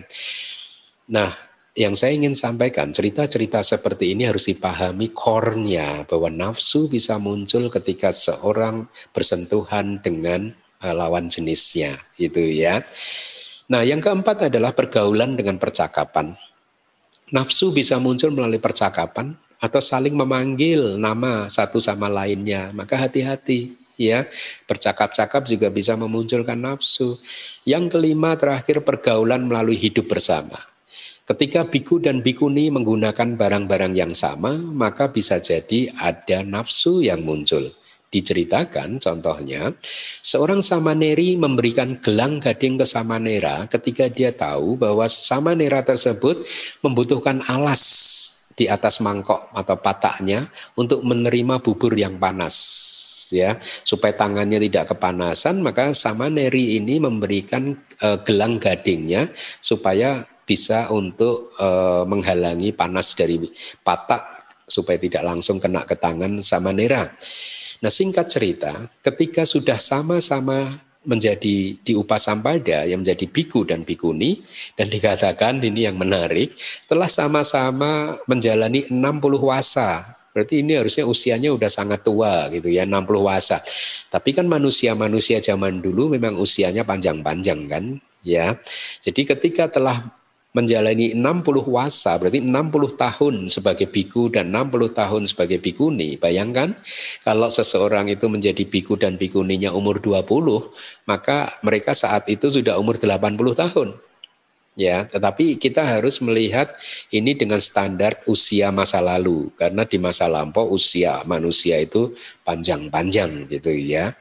Jadi tidak dengan dimensi waktu sekarang. Kalau sekarang kan umur 80 tahun mungkin udah nggak bisa jatuh cinta lagi begitu ya nah jadi ketika mereka sudah menjalani kebikuan dan kebikunian selama 60 wasa, mereka bertemu di India gitu ya. Akhirnya bercakap-cakap lagi dan akhirnya mereka ingat saat-saat mereka bertemu di masa lalu ketika si Samaneri memberikan gelang gading tadi. Singkat cerita dari memori itu cinta tumbuh ya. Dan mereka pun berdua akhirnya melanggar para jika Para jika adalah empat peraturan di Winaya ya yang apabila seorang biku atau bikuni itu melanggar bikuni mungkin lebih dari empat para jikanya tapi biku itu ada empat para jika kalau dilanggar satu pun dia harus lepas jubah ya kalau dia nggak mau lepas jubah ya tetap saja dia bukan biku gitu ya. Nah ketika seseorang sudah memunculkan uh, ikatan pergaulan dengan cara-cara seperti itu, maka cinta muncul. Nafsu yang kuat itu dikondisikan oleh nafsu yang lemah yang muncul sebelumnya. Seperti yang tadi saya katakan, api yang besar itu munculnya dari api yang lemah, gitu ya. Nah, mengikuti cinta ini penderitaan muncul. Penderitaan muncul tidak hanya di dalam kehidupan kali ini, tetapi juga di dalam kehidupan uh, yang uh, sesudah ini juga. Ketika melihat lawan jenis dan seseorang memperhatikan ciri-cirinya, misalkan, ya ini ini awal munculnya kilesa. Kalau Anda melihat lawan jenis Anda dan Anda memperhatikan ciri-ciri dari lawan jenis Anda, misalnya, oh rambutnya yang indah, wajahnya yang seperti bulat telur katakanlah begitu, matanya yang bersinar, telinganya yang indah, hidungnya yang mancung, katakanlah bibirnya yang bagaimana bagaimana giginya, mulutnya dan ciri-ciri lainnya, maka itu adalah awal kemunculan dari kilesa ya. Oleh karena itu kalau Anda ingin kilesa tidak muncul, maka ketika melihat lawan jenis Anda jangan melihat ciri-cirinya itu ya. Nah, ketika melihat bahaya yang lahir dari cinta yang seperti itu, seseorang seharusnya hidup seorang diri menyerupai cula seekor badak ya. Bahayanya itu apa? Yaitu kesedihan dan lain-lain itu tadi, ratap tangis, anda pasti paham ya bahaya cinta itu kayak apa. Bahaya cinta Anda kepada pasangan Anda itu kesedihan dan semua kilesa-kilesa yang muncul ya yang Anda ledakan ke pasangan-pasangan Anda atau kilesa yang muncul yang berhubungan dengan pasangan-pasangan Anda itulah bahayanya cinta itu ya. Jadi kalau Anda mengetahui itu, kalau ini Paceka Buddha, maka dia memutuskan seseorang harusnya hidup seorang diri dengan menyerupai cula seekor uh, badak. Nah itu stansa yang 36. Stansa yang 37 saya rasa pendek, mudah-mudahan saya bisa mengcovernya dalam uh, waktu yang tersisa ya. Kalimatnya seperti yang ada di layar. Jadi asal mulanya itu seperti ini. Paceka Buddha yang ini, yang berbeda lagi, itu menjadi raja kembali di kerajaan Baranasi. Jadi kerajaannya sama nih masih Baranasi, tapi tentu ini di dimensi waktu yang berbeda, itu ya. Nah singkat cerita rajanya ini mencapai jana pertama dan dia menginvestigasi seperti ini. Mana yang lebih baik? Mengembangkan samana dhamma atau kewajiban seorang pertapa, seorang biku, atau kerajaan ini? Dia pun tahu jawabannya dan setelah tahu jawabannya dia menyerahkan semua urusan kerajaannya kepada empat menterinya ya dan uh, akhirnya dia memilih untuk mengembangkan jalan mulia berunsur delapan itu ya Para menteri mengurus negara dengan cara yang tidak adil. Mereka meminta suap dan lain-lain ya. Ketika mendengar hal ini raja pun akhirnya datang kembali dan masuk ke ruang pengadilan. Ya, singkat singkatnya akhirnya masuk ke ruang pengadilan. Di ruang pengadilan ini rakyat raja mendengar ungkapan-ungkapan ketidakpuasan dari rakyat ya saling berteriak tidak puas atas kepemimpinan menteri-menterinya. Dia ingin mereka ingin raja mendengar hal ini gitu raja pun keluar dari ruang pengadilan ya karena tidak tahan dengan suara-suara yang berisik tadi ya bagaimana dia ini seorang yang menguasai jana yang pertama ya yang baru saja mengembangkan samana dhamma itu wajar kalau dia tidak tahan mendengar suara-suara yang berisik tadi gitu. Akhirnya raja keluar dari ruang pengadilan dan naik ke atap gedung istana, duduk di sana dan ingin memasuki jana yang pertama. Tetapi apa daya ya bat, karena batinnya terganggu oleh suara-suara yang berisik tadi, dia tidak bisa masuk ke dalam jana yang pertama. Akhirnya dia total melepaskan kerajaannya dan memilih menjadi seorang samana, seorang pertapa, ya. Dan dari pilihannya itu dia akhirnya mendapatkan kembali jananya. Setelah mendapatkan kembali jananya, dia mengamati sangkara. Sangkara itu formasi-formasi, ya, baik itu formasi tubuh jasmani maupun formasi batin. Dan dari pengamatan terhadap sangkara-sangkara ini atau formasi-formasi ini, dia mencapai pencerahan sebagai seorang paceka Buddha. Ya, nah di dalam stansa tadi ada kalimat teman-teman yang memiliki hubungan baik. Artinya, teman-teman yang memiliki hubungan baik itu begini. Jadi kita kadang hanya punya teman, kata kitab komentar ya. Kita ini kadang hanya punya teman, ya, tapi tidak berhubungan baik, gitu ya. E, atau kadang kita berhubungan baik dengan seseorang tapi bukan teman. Jadi dibedakan. Kalau kitab komentar menceritakan, kalau teman itu artinya orang yang biasanya menginginkan keselamatan dirinya sendiri gitu didefinisikan seperti itu ya. Kalau teman dan juga berhubungan baik, arti berhubungan baik adalah karena mereka membawa kebahagiaan ketika datang, ketika berdiri dan seterusnya. Ada hubungan timbal baliknya gitu ya. Nah jadi kadang kita mempunyai teman tapi tidak sahabat katakanlah begitu ya, tidak berhubungan baik. Atau kita punya teman uh, seseorang yang berhubungan baik ya tapi dia bukan teman ya. Jadi uh, tapi di dalam suta ini dalam stanza ini yang disampaikan adalah ini adalah dua-duanya. Teman dan sekaligus mempunyai hubungan yang baik Ya, begitu yang dimaksud. Nah, teman yang berhubungan baik diceritakan juga ada dua jenis, yaitu teman antar penghuni rumah seperti buku yang akan diterbitkan oleh DBS ini ke Pati, teman antar penghuni rumah dan pabacita di antara para biku gitu. Penghuni rumah itu adalah para penolong atau mereka yang berbagi kebahagiaan dan kesusahan atau juga bisa menjadi teman yang saling bisa memberikan uh, simpati ya. Kalau teman antar pabajita biasanya para pabajita ini saling menunjukkan ini dhamma yang baik, ini dhamma yang tidak baik dan seterusnya gitu ya. Jadi kira-kira pergaulannya itu seperti itu. Nah, seorang teman yang baik itu menjaga kita ketika kita sedang lengah dia juga menjaga uh, mungkin kekayaan-kekayaan kita, properti-properti kita dan lain-lain. Ketika Anda ketakutan, uh, dia mungkin saja bisa melindunginya. Ketika dibutuhkan, dia siap sedia untuk menolong, bahkan dengan memberikan dua kali uh, uh, lipat uang yang Anda butuhkan. Dia mengungkapkan rahasianya kepada Anda, dia menyimpan rapat-rapat rahasia Anda, dia tidak meninggalkan Anda ketika Anda sedang kesusahan, dan bahkan dia akan berkorban untuk Anda. Dia tidak senang ketika mendengar Anda sedang kesusahan. Dia bergembira ketika mendengar keberhasilan Anda. Dia menghentikan ucapan seseorang yang sedang menjelek-jelekan Anda. Dan dia menghargai orang-orang yang memuji Anda. Dia menahan Anda dari kejahatan, dia mendorong Anda untuk melakukan kebaikan. Dia menginformasikan apa pun yang baik yang Anda belum pernah mendengarnya. Dia membantu Anda untuk menunjukkan jalan kelahiran di surga. Ini adalah teman yang eh, terjadi di antara pergaulan para penghuni rumah. Tetapi untuk para pabajita, seorang biku yang terhormat, menyenangkan, terpandang, seorang damak katika. Damak katika itu seorang pembabar dhamma, seorang guru dhamma. Dan biku yang bisa menahan diri dari pembicaraan orang lain, seorang biku yang bisa memberikan ceramah damak-damak yang dalam-dalam.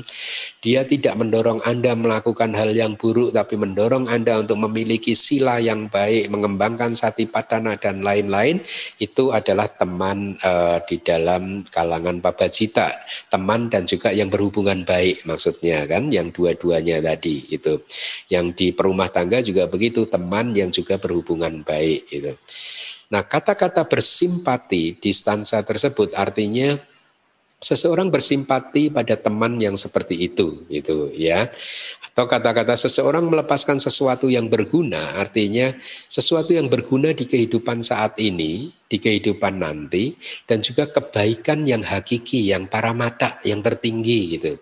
Atau sesuatu yang berguna yang lainnya yaitu yang berguna untuk diri sendiri orang lain dan kedua-duanya ya.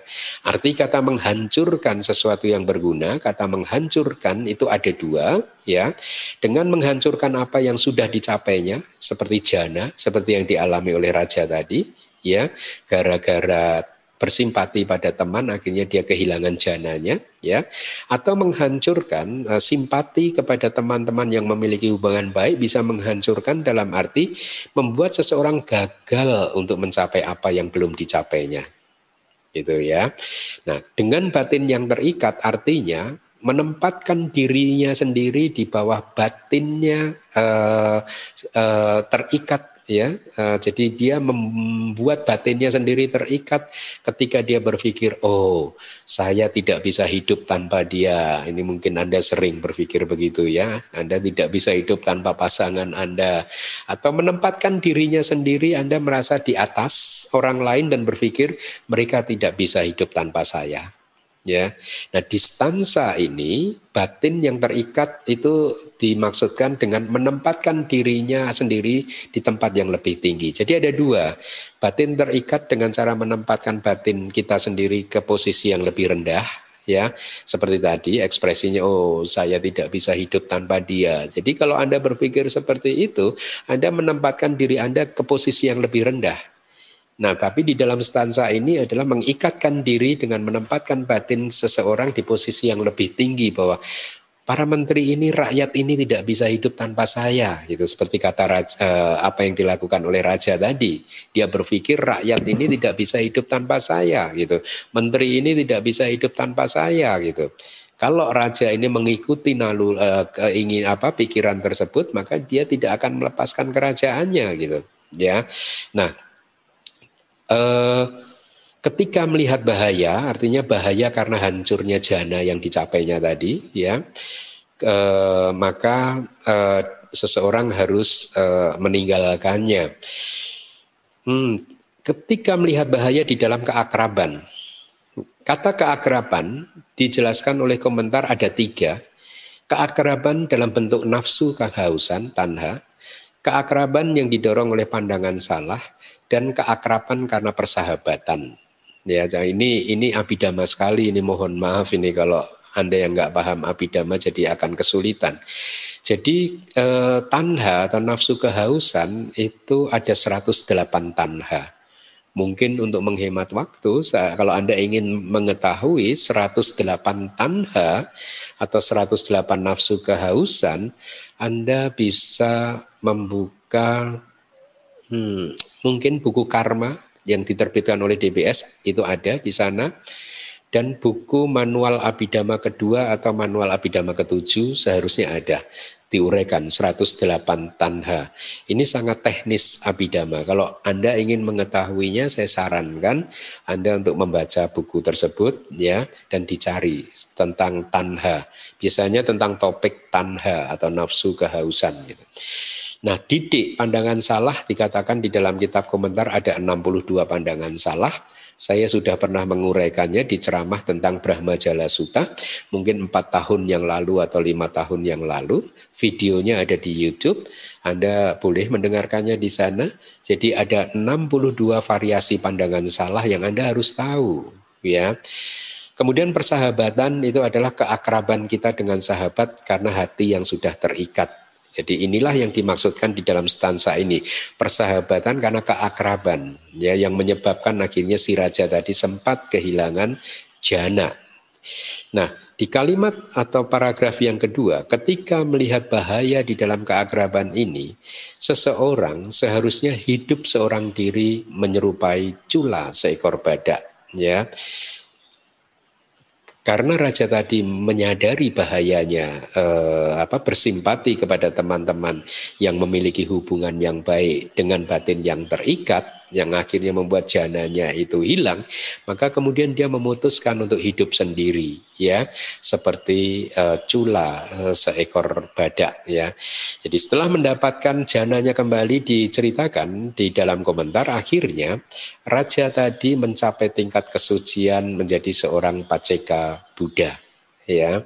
Jadi demikianlah dua stansa yang sudah bisa, uh, kita pelajari pada pagi hari ini. Berarti sudah tiga stansa yang sudah kita pelajari dari 75 stansa yang ada. Tadi malam saya sempat berpikir sih, apa diadakan survei saja, apakah Anda ingin mendengarkan semua cerita tentang Paceka Buddha yang 75 stansa ini gitu atau saya pilihkan saja yang kira-kira mungkin uh, menarik buat Anda begitu. Tapi mungkin ini juga semacam boleh survei juga, mungkin Anda boleh ngetik mungkin di message chat di Zoom. Dan juga bagi Anda yang menonton ini di YouTube, Anda mungkin boleh mengetik apakah harus diceritakan semuanya 75 stansa. Atau saya pilihkan saja yang kira-kira eh, menarik untuk Anda begitu mana pilihan Anda. Demikian yang bisa saya sampaikan semoga apa yang baru saja Anda dengar yaitu penjelasan dari komentar yang merupakan ajaran yang sudah sangat tua, yang eksis bahkan sejak 2600 tahun yang lalu pada saat Buddha Gautama masih hidup. Semoga kekuatan ajaran yang tua ini bisa menjadi kondisi yang cukup kuat untuk kemunculan maga, pala, dan nibana Anda. Sadu. Sadu, sadu, sadu. Anumodana Bante atas penjelasan suta yang telah disampaikan kepada kami. Semoga kami semua mendapatkan manfaat tertinggi dari pendengaran dhamma ini. Bagi kalian minta yang membutuhkan slide kelas PS ini dapat mengunduhnya di website DBS www.damawihari.or.id atau ada di tautan pada deskripsi YouTube ceramah kelas PS ini. Seperti tadi telah disampaikan oleh Bante, silakan kalian minta semua menyampaikan komentarnya melalui Zoom, chat Zoom ataupun chat di YouTube mengenai apakah uh, kalian minta berkeinginan untuk mendengarkan ke 75 stansa dan sekarang baru kita baru tiga stansa dari total 75 ataukah akan uh, Bante akan memilihkan beberapa stansa saja jadi mohon ketikkan komentar Anda di uh, chat YouTube, uh, chat Zoom dan chat di YouTube. Selanjutnya kita akan memasuki sesi tanya jawab. Untuk itu kami akan membacakan tata tertib sesi tanya jawab ini. Saat sesi tanya jawab, bagi kalian yang ingin bertanya, dipersilahkan klik tanda raise hand. Fitur ini ada di bagian reaction di bagian bawah kanan bagi yang menggunakan komputer dan laptop dan ada di bagian more bagi yang menggunakan handphone. Tim akan menentukan siapa yang akan mendapatkan giliran untuk bertanya. Pertanyaan kalian minta diharapkan sesuai dengan topik ceramah hari ini. Bagi kalian minta yang diperbolehkan bertanya akan di-unmute oleh host. Kalian minta yang bertanya dipersilahkan untuk memperkenalkan diri terlebih dahulu dengan menyebutkan nama dan kota atau negara tempat domisili. Dikarenakan adanya keterbatasan waktu, maka harap maklum apabila tidak semua penanya akan mendapatkan giliran. Agar mendapatkan memberikan kesempatan kepada semua kalian mita yang ingin bertanya, kami mohon agar masing-masing penanya hanya mengajukan satu pertanyaan terlebih dahulu. Kepada kalian mita yang ingin bertanya, dipersilakan klik tanda raise hand.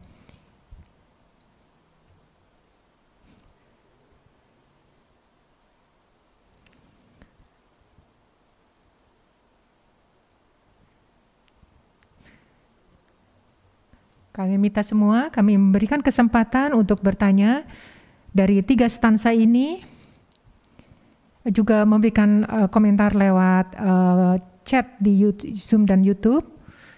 Selain itu kami menunggu kalian minta semua yang ingin bertanya dipersilahkan klik tanda raise hand di bagian reaction bagi yang menggunakan handphone, bagi yang menggunakan laptop dan komputer atau di bagian more bagi yang menggunakan handphone.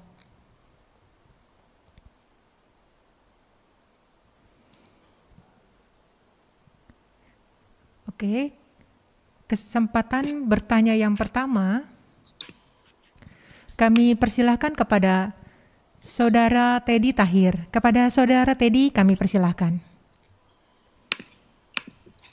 Baik, Sukihoto Bante.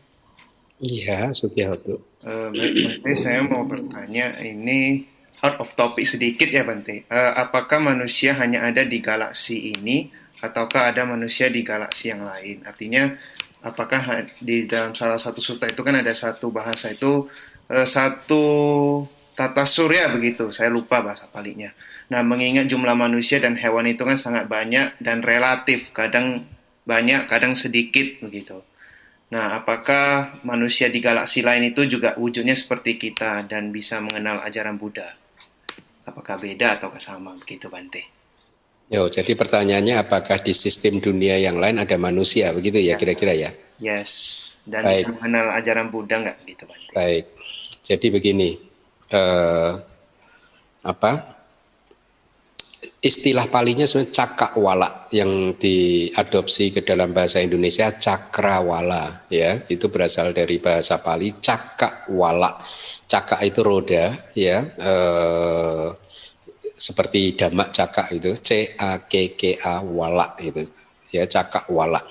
Jadi satu cakak wala itu adalah satu sistem dunia ya atau uh, satu sistem matahari kalau terjemahannya itu. Jadi kalau di zaman India dulu satu solar system atau satu sistem matahari itu dianggap terdiri dari 31 bumi atau 31 alam kehidupan ya. Berarti satu cakrawala itu terdiri dari 31 alam kehidupan. Nah, sedangkan Buddha di banyak tempat itu mengatakan bahwa jumlah cakrawala itu mana itu kata-kata Buddha.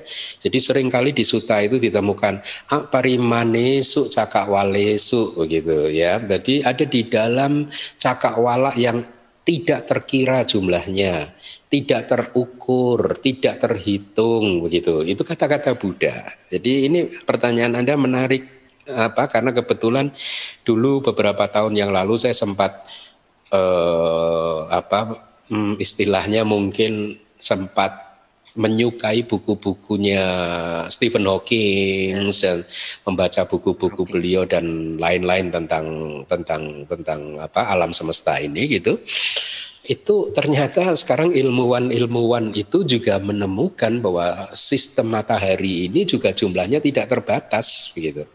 Nah, 2600 tahun yang lalu Buddha mengatakan aparimanesu cakawalesu atau aparimana cakawala itu. Cakawala atau sistem dunia atau solar system yang tidak terkira, yang tidak terukur, yang tidak terhitung, yang tidak apa hmm, tidak terbatas itu jumlahnya banyak sekali gitu. Nah, Buddha juga eh, mengatakan bahwa di setiap cakrawala ini ada 31 bumi atau 31 alam kehidupan. Jadi artinya di semua cakrawala itu ada manusia itu saya dulu pernah menemukan komentarnya, entah saya simpan atau tidak, tapi kayaknya beberapa murid di DBS pernah saya berikan uh, referensinya itu. Karena kadang itu saya kalau ditanya, kemudian saya cari di kitab komentar dan ketika ketemu gitu, saya berikan kepada yang bertanya. Uh, kadang saya nggak menyimpannya gitu, ya. Tapi waktu itu saya menemukan referensinya tentang itu apa yang saya sampaikan tadi. Nah, jadi kira-kira begitu, eh, cakrawala ini tidak terbatas, berarti ada manusia di sistem eh, dunia yang lain, begitu. Kayaknya di stansa yang pertama juga ada kata-kata kan bahwa bahwa eh, bodhisatta ya setelah menjadi bodhisatta atau di suta yang sebelumnya ya setelah menjadi bodhisatta dia tidak akan terlahir di sistem dunia yang lain, tidak akan berpindah di sistem dunia yang lain begitu. Kayaknya ada kata-kata itu. Uh, jadi pertanyaan ini menjadi menarik kalau Anda memahami entah teori entah penemuan dari para ilmuwan tentang alam semesta di zaman modern ini ya. Oleh karena itulah uh, dulu ketika saya tinggal di Singapura saya pernah membaca buku kalau tidak salah dari buku Case Sri The Late Case Sri Damananda kalau nggak salah gitu. Jadi ketika waktu itu sedang heboh kasus cloning di dunia cloning gitu ya itu domba apa gitu dulu di cloning gitu itu kan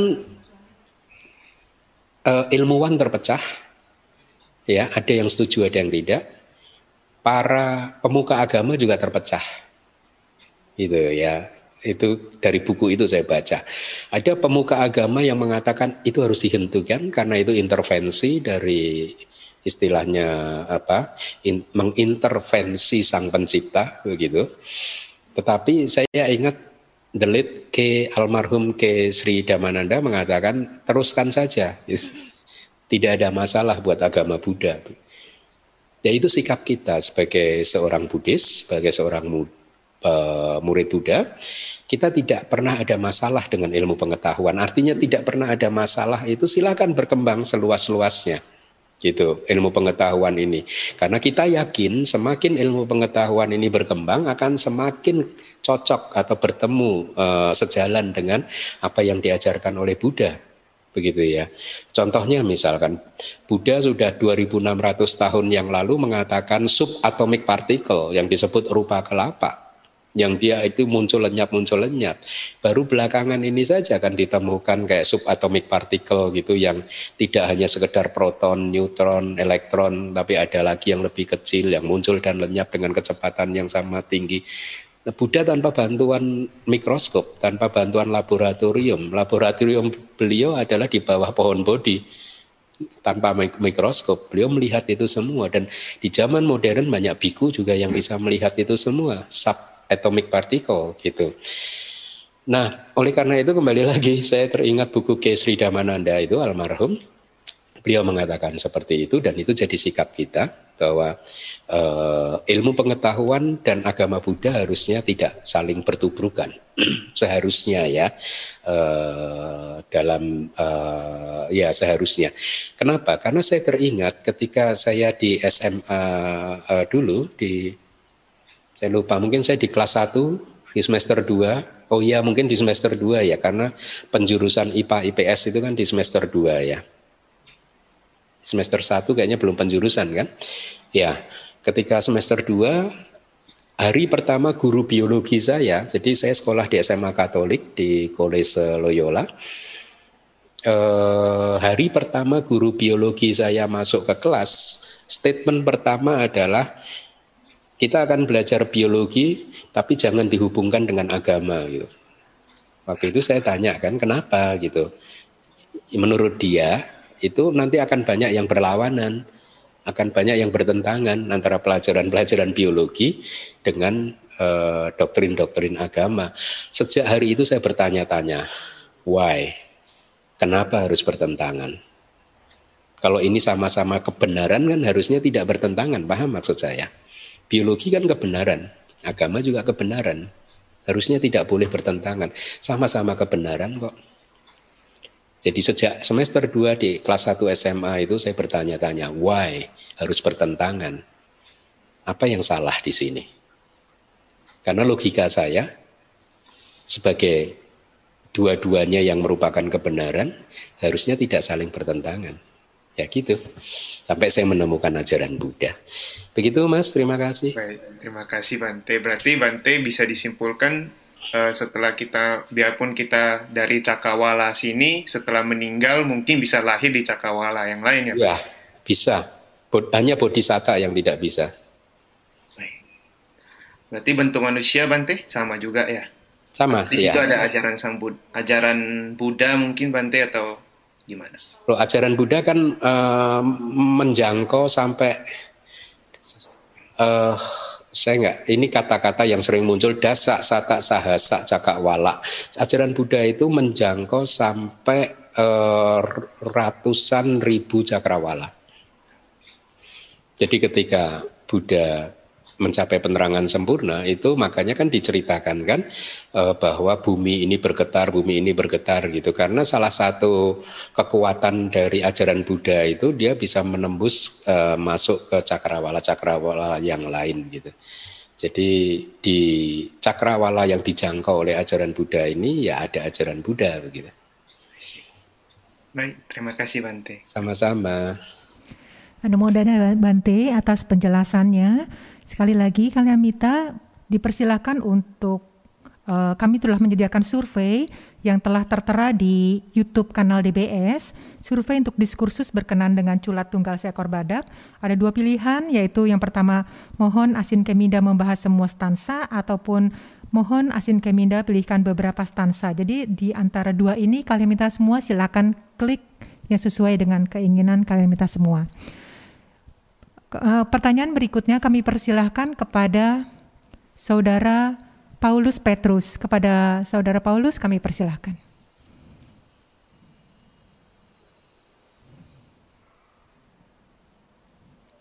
Halo, Andani Bande. Selamat pagi, Bande. Pagi. Ya, Bande yang ingin saya tanyakan berkenaan waktu dengan minggu yang lalu, Bante sudah menjawab yang masalah keadaan di Myanmar, Bande. Nah, yang saya juga ingin bertanya, kalau kita selaku Buddhis, yang tadi juga Bante jelaskan masalah teman yang sejati, nah bagaimana sikap kita dalam menghadapi uh, masalah yang kan kita kan satu agama nih Bante dengan di negara Myanmar gitu. Nah, maksud saya kepedulian kita uh, saudara-saudara kita yang di Myanmar itu bagaimana Bante? Apakah kita dengan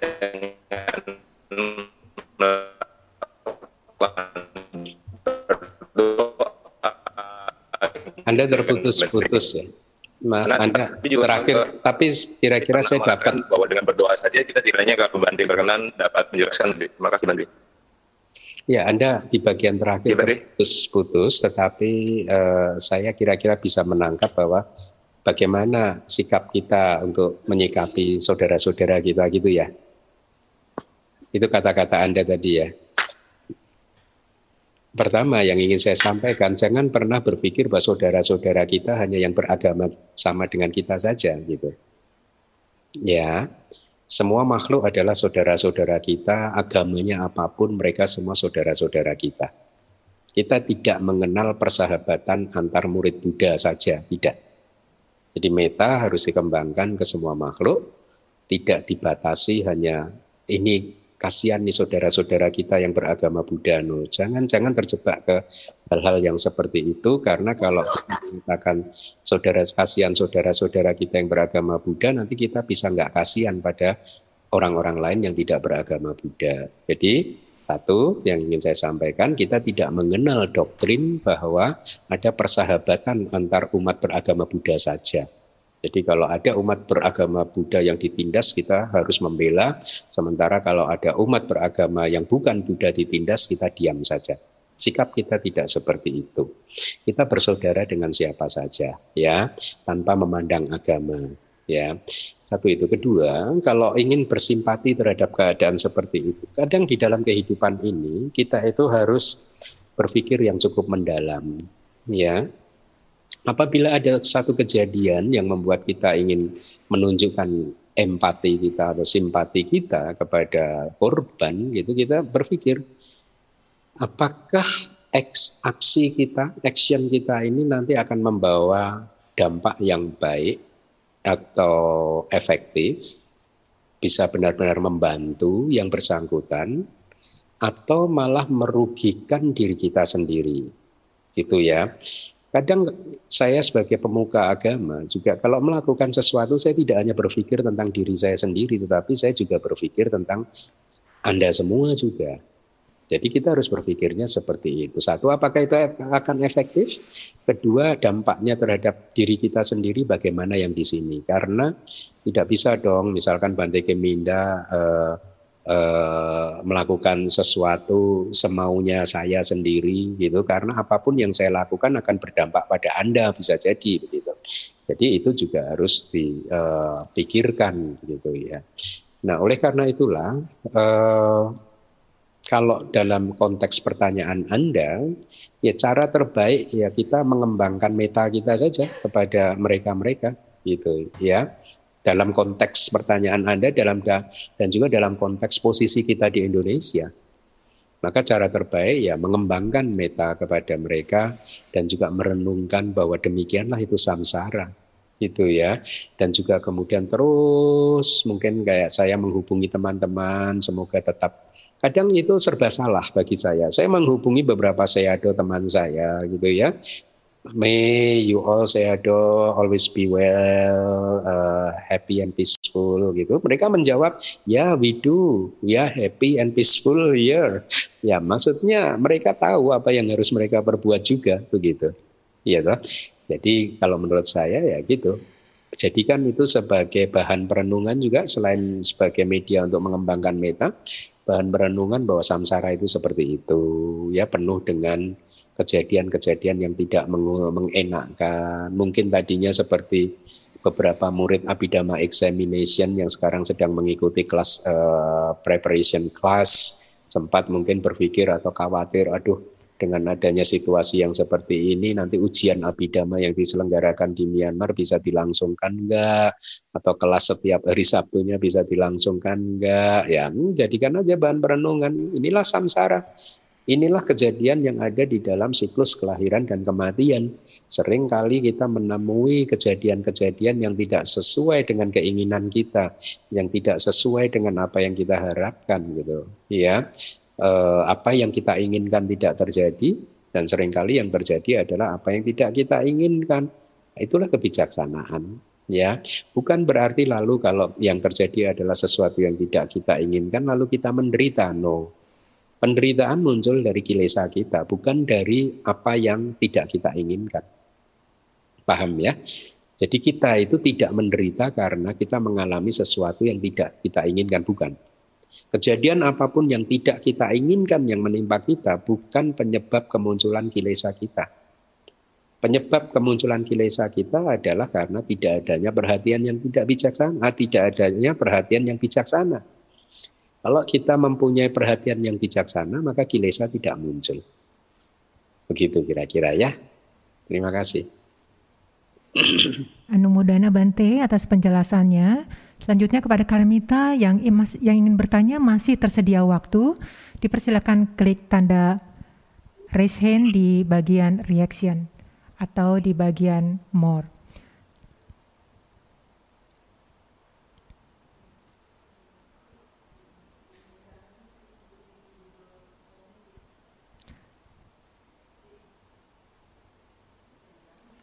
Oke, okay. uh, eh, Bante, ada penanya berikutnya masih da, da, dengan saudara Teddy Tahir juga. Oke. Okay. Persilakan kepada saudara okay. Teddy. Oke, waktu Bante tadi kan hmm. kan out of topik ini saya mau nanya tentang topik ini. Minggu lalu Bante ada katakan bahwa Paceka Buddha itu berkumpul di kaki Himalaya begitu ya Bante kalau saya tidak salah. Ya, di nah, apa, berarti Paceka Buddha itu bisa lebih dari satu ya di dalam satu cakrawala itu. Berarti iya. Bisa. Iya. Cuma cuma sama Sang Buddha yang tidak bisa ya begitu ya Bante. Betul, betul. Jadi Paceka Buddha bisa ada banyak ya. Tapi sama Sang Buddha hanya ada satu, tapi pemahamannya begini, kenapa sama Sang Buddha hanya ada satu? Pertama, sama Sang Buddha itu disebut sama Sang Buddha, seseorang yang mengalami penerangan sempurna dengan benar atas usahanya sendiri, ya itu hanya akan terjadi ketika tidak ada ajaran Buddha. Paham tidak? Ya. Karena kalau ada ajaran Buddha berarti tidak atas usahanya sendiri. Satu itu. Kedua, tugas dari Buddha itu adalah menemukan jalan mulia berunsur delapan yang sudah hilang. Ya, itu. Jadi kalau jalan mulia berunsur delapannya belum hilang, ya nggak akan ada Buddha. Karena memang fungsi atau tugas kewajiban Buddha itu adalah menemukan kembali jalan mulia berunsur delapan. Jadi para bodhisatta itu tahu kapan harus turun. Ya ketika sudah tidak ada jalan mulia berunsur delapan dan waktunya yang tepat kapan beli, mereka itu tahu. Itu seperti bodhisatta kita ini sebelum menjadi pangeran Siddhartha kan beliau survei kan dan tahu ini saatnya untuk lahir. Kira-kira begitu. Oke. Okay. Baik. Terima kasih Bante. Anu Mudana Bante atas penjelasannya. Selanjutnya kesempatan bertanya berikutnya diberikan kepada Bapak Supriyanto. Kepada Bapak Supriyanto kami persilahkan.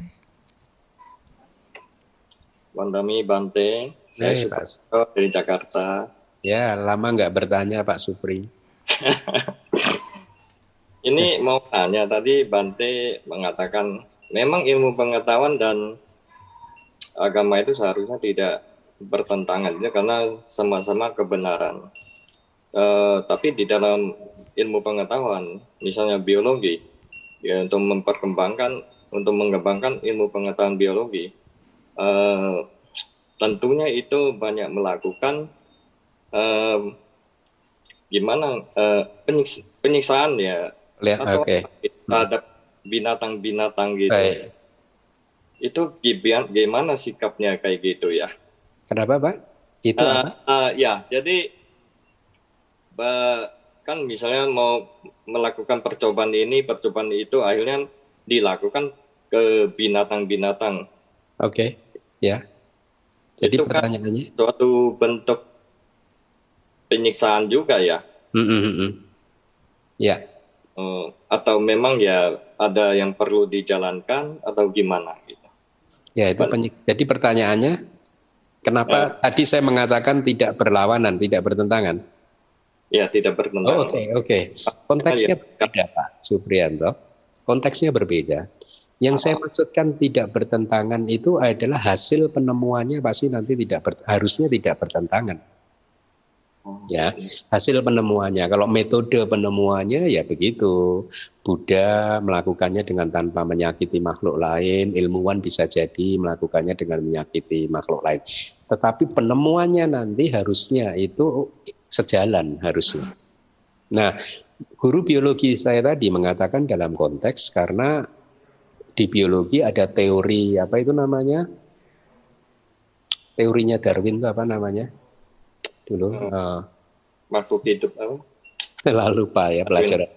Ya, seleksi alam gitulah ya. Ya alam, ya. Alam atau apa-apa ya mungkin begitulah atau ya. mungkin uh, makhluk pertamanya bagaimana begitu-begitu. Makanya itu guru biologi saya warning seperti itu tadi jangan diinikan dengan agama ya gitu. Nah, jadi dalam pertanyaan saya bahkan di semester kedua itu saya tidak bisa menerima statement itu gitu. Pada waktu itu karena nggak masuk logika saya kebenaran dan kebenaran kok nggak bertemu bagaimana. Nah, tapi yang saya maksud adalah hasil penemuannya itu harusnya sejalan. Kalau metodenya ada yang menyakiti, ada yang tidak, ya itu metode kan. Tapi hasil penemuannya harusnya sejalan. Eh, dengan ditemukannya mikroskop yang bisa melihat super apa gitu itu hasil penemuannya harusnya sejalan dengan apa yang dilihat oleh para yogi, para Buddha, uh, Buddha dan para muridnya begitu. Itu yang saya maksud. Caranya bisa berbeda, tapi hasil terakhirnya harusnya sih nggak bertentangan seharusnya sih. Misalkan sekarang Stephen Hawking menemukan teori ada ada black holes dan lain sebagainya gitu ya Buddha juga udah mengatakan di kitab suci ada ada uh, niraya antar anantara eh? antara tiga anantara tiga Nah, gitu kira-kira begitu. Jadi ada satu tempat di antara dua cakrawala yang di sini ini gelap gulita, tidak ada cahaya yang bisa masuk. Itu Buddha mengatakannya. Jadi itu maksudnya sih Pak, tidak bertentangan dalam konteks yang seperti itu sih. Kalau metodenya bisa bisa berbeda-beda. Anu Mudana Bante. Sama-sama. Anu Mudana Bante atas penjelasan yang diberikan. Selanjutnya, apakah masih ada yang bertanya karena masih ada waktu? Ada itu Pak Joni ya. Oke, kesempatan bertanya berikutnya kami persilakan kepada Bapak Joni. Wandami Pante. Hmm. Saya Doni dari Medan. Ya. Uh, saya mau nanggapi tadi Bante bilang uh, Bodhisattva baru akan turun setelah ajaran Buddha hilang dari uh, muka bumi.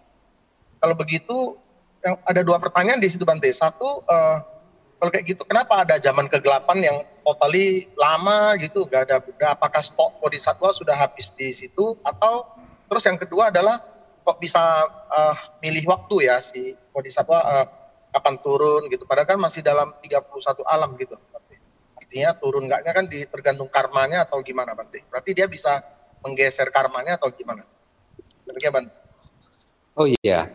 Oke, okay, ada dua pertanyaannya. Jadi kalau di Aganya Sutta itu di diceritakan tentang hancur dan terbentuknya kembali alam semesta, juga hmm, bahkan asal mula diceritakan uh, kemunculan suku kesatria Brahmana, Waisa Sudra dan lain sebagainya.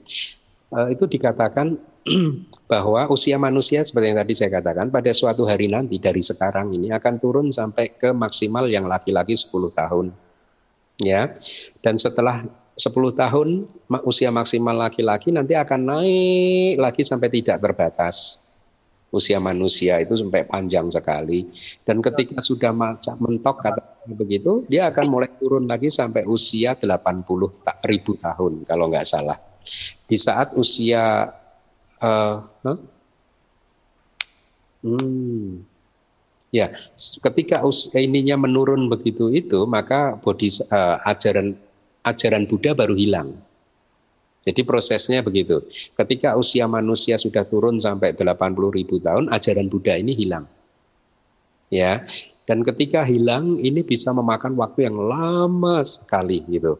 Sampai kemudian bodhisatta yang siap menjadi Buddha itu turun. Nah, kalau kita ditanyakan tadi uh, kenapa berarti ada masa kegelapan? Ya, ada masa kegelapan. Lalu apakah pada waktu itu tidak ada bodhisatta yang uh, siap jadi Buddha? Kemungkinan, kemungkinan, tapi saya belum pernah menemukan bacaannya, teksnya ya. Kemungkinan begitu. Karena naluri seorang bodhisatta itu ingin menolong makhluk lain ya bahwa di niat awalnya dia menjadi bodhisatta pun kan karena dia ingin menolong makhluk lain. Ketika mengetahui dunia ini penuh dengan kegelapan nggak ada jalan mulia berunsur gelapan harusnya secara naluri kalau memang dia sudah siap dia akan turun jadi Buddha begitu. Tapi memang teks-teks kita mengatakan akan ada masa yang panjang sekali di mana tidak ada ajaran Buddha sama sekali. Nah apakah ketika saat itu tidak ada bodhisatta yang siap atau parami 30 paraminya sudah masak yang siap untuk turun dan menemukan kembali jalan mulia berunsur delapan kemungkinan seperti itu sih Pak Joni. Tapi saya belum menemukan referensinya logikanya seperti itu. Begitu. Ya mudah-mudahan ya menjawab. Itu kenapa bisa uh, dia milih-milih mau turun? Oh, memilih ya karena karena kekuatan paraminya, Pak. Karena 30 paraminya sudah masak. Dia bahkan bisa memilih masuk ke kandungan mana. Dia bisa survei perempuan mana, istilahnya ibu mana yang cocok untuk dia begitu. Dan dia tahu bahwa ibu ini harus ketika dia lahir harus hanya berusia tujuh hari dan lain sebagainya begitu. Karena kekuatan 30 parami sebenarnya kan begini Pak. Sejak menjadi Wesantara, ya Bodhisatwa kita yang kemudian jadi Buddha Gotama ini udah siap jadi Buddha, Pak. Karena sudah diceritakan di komentarnya sama tingsak paraminya 30 parami yang equal itu sudah matang. Tetapi karena satu dan lain hal mungkin waktu itu ajaran Buddha sebelumnya masih ada, maka beliau lahir ke Tusita dulu. Begitu, Pak. Karena kekuatan 30 paraminya.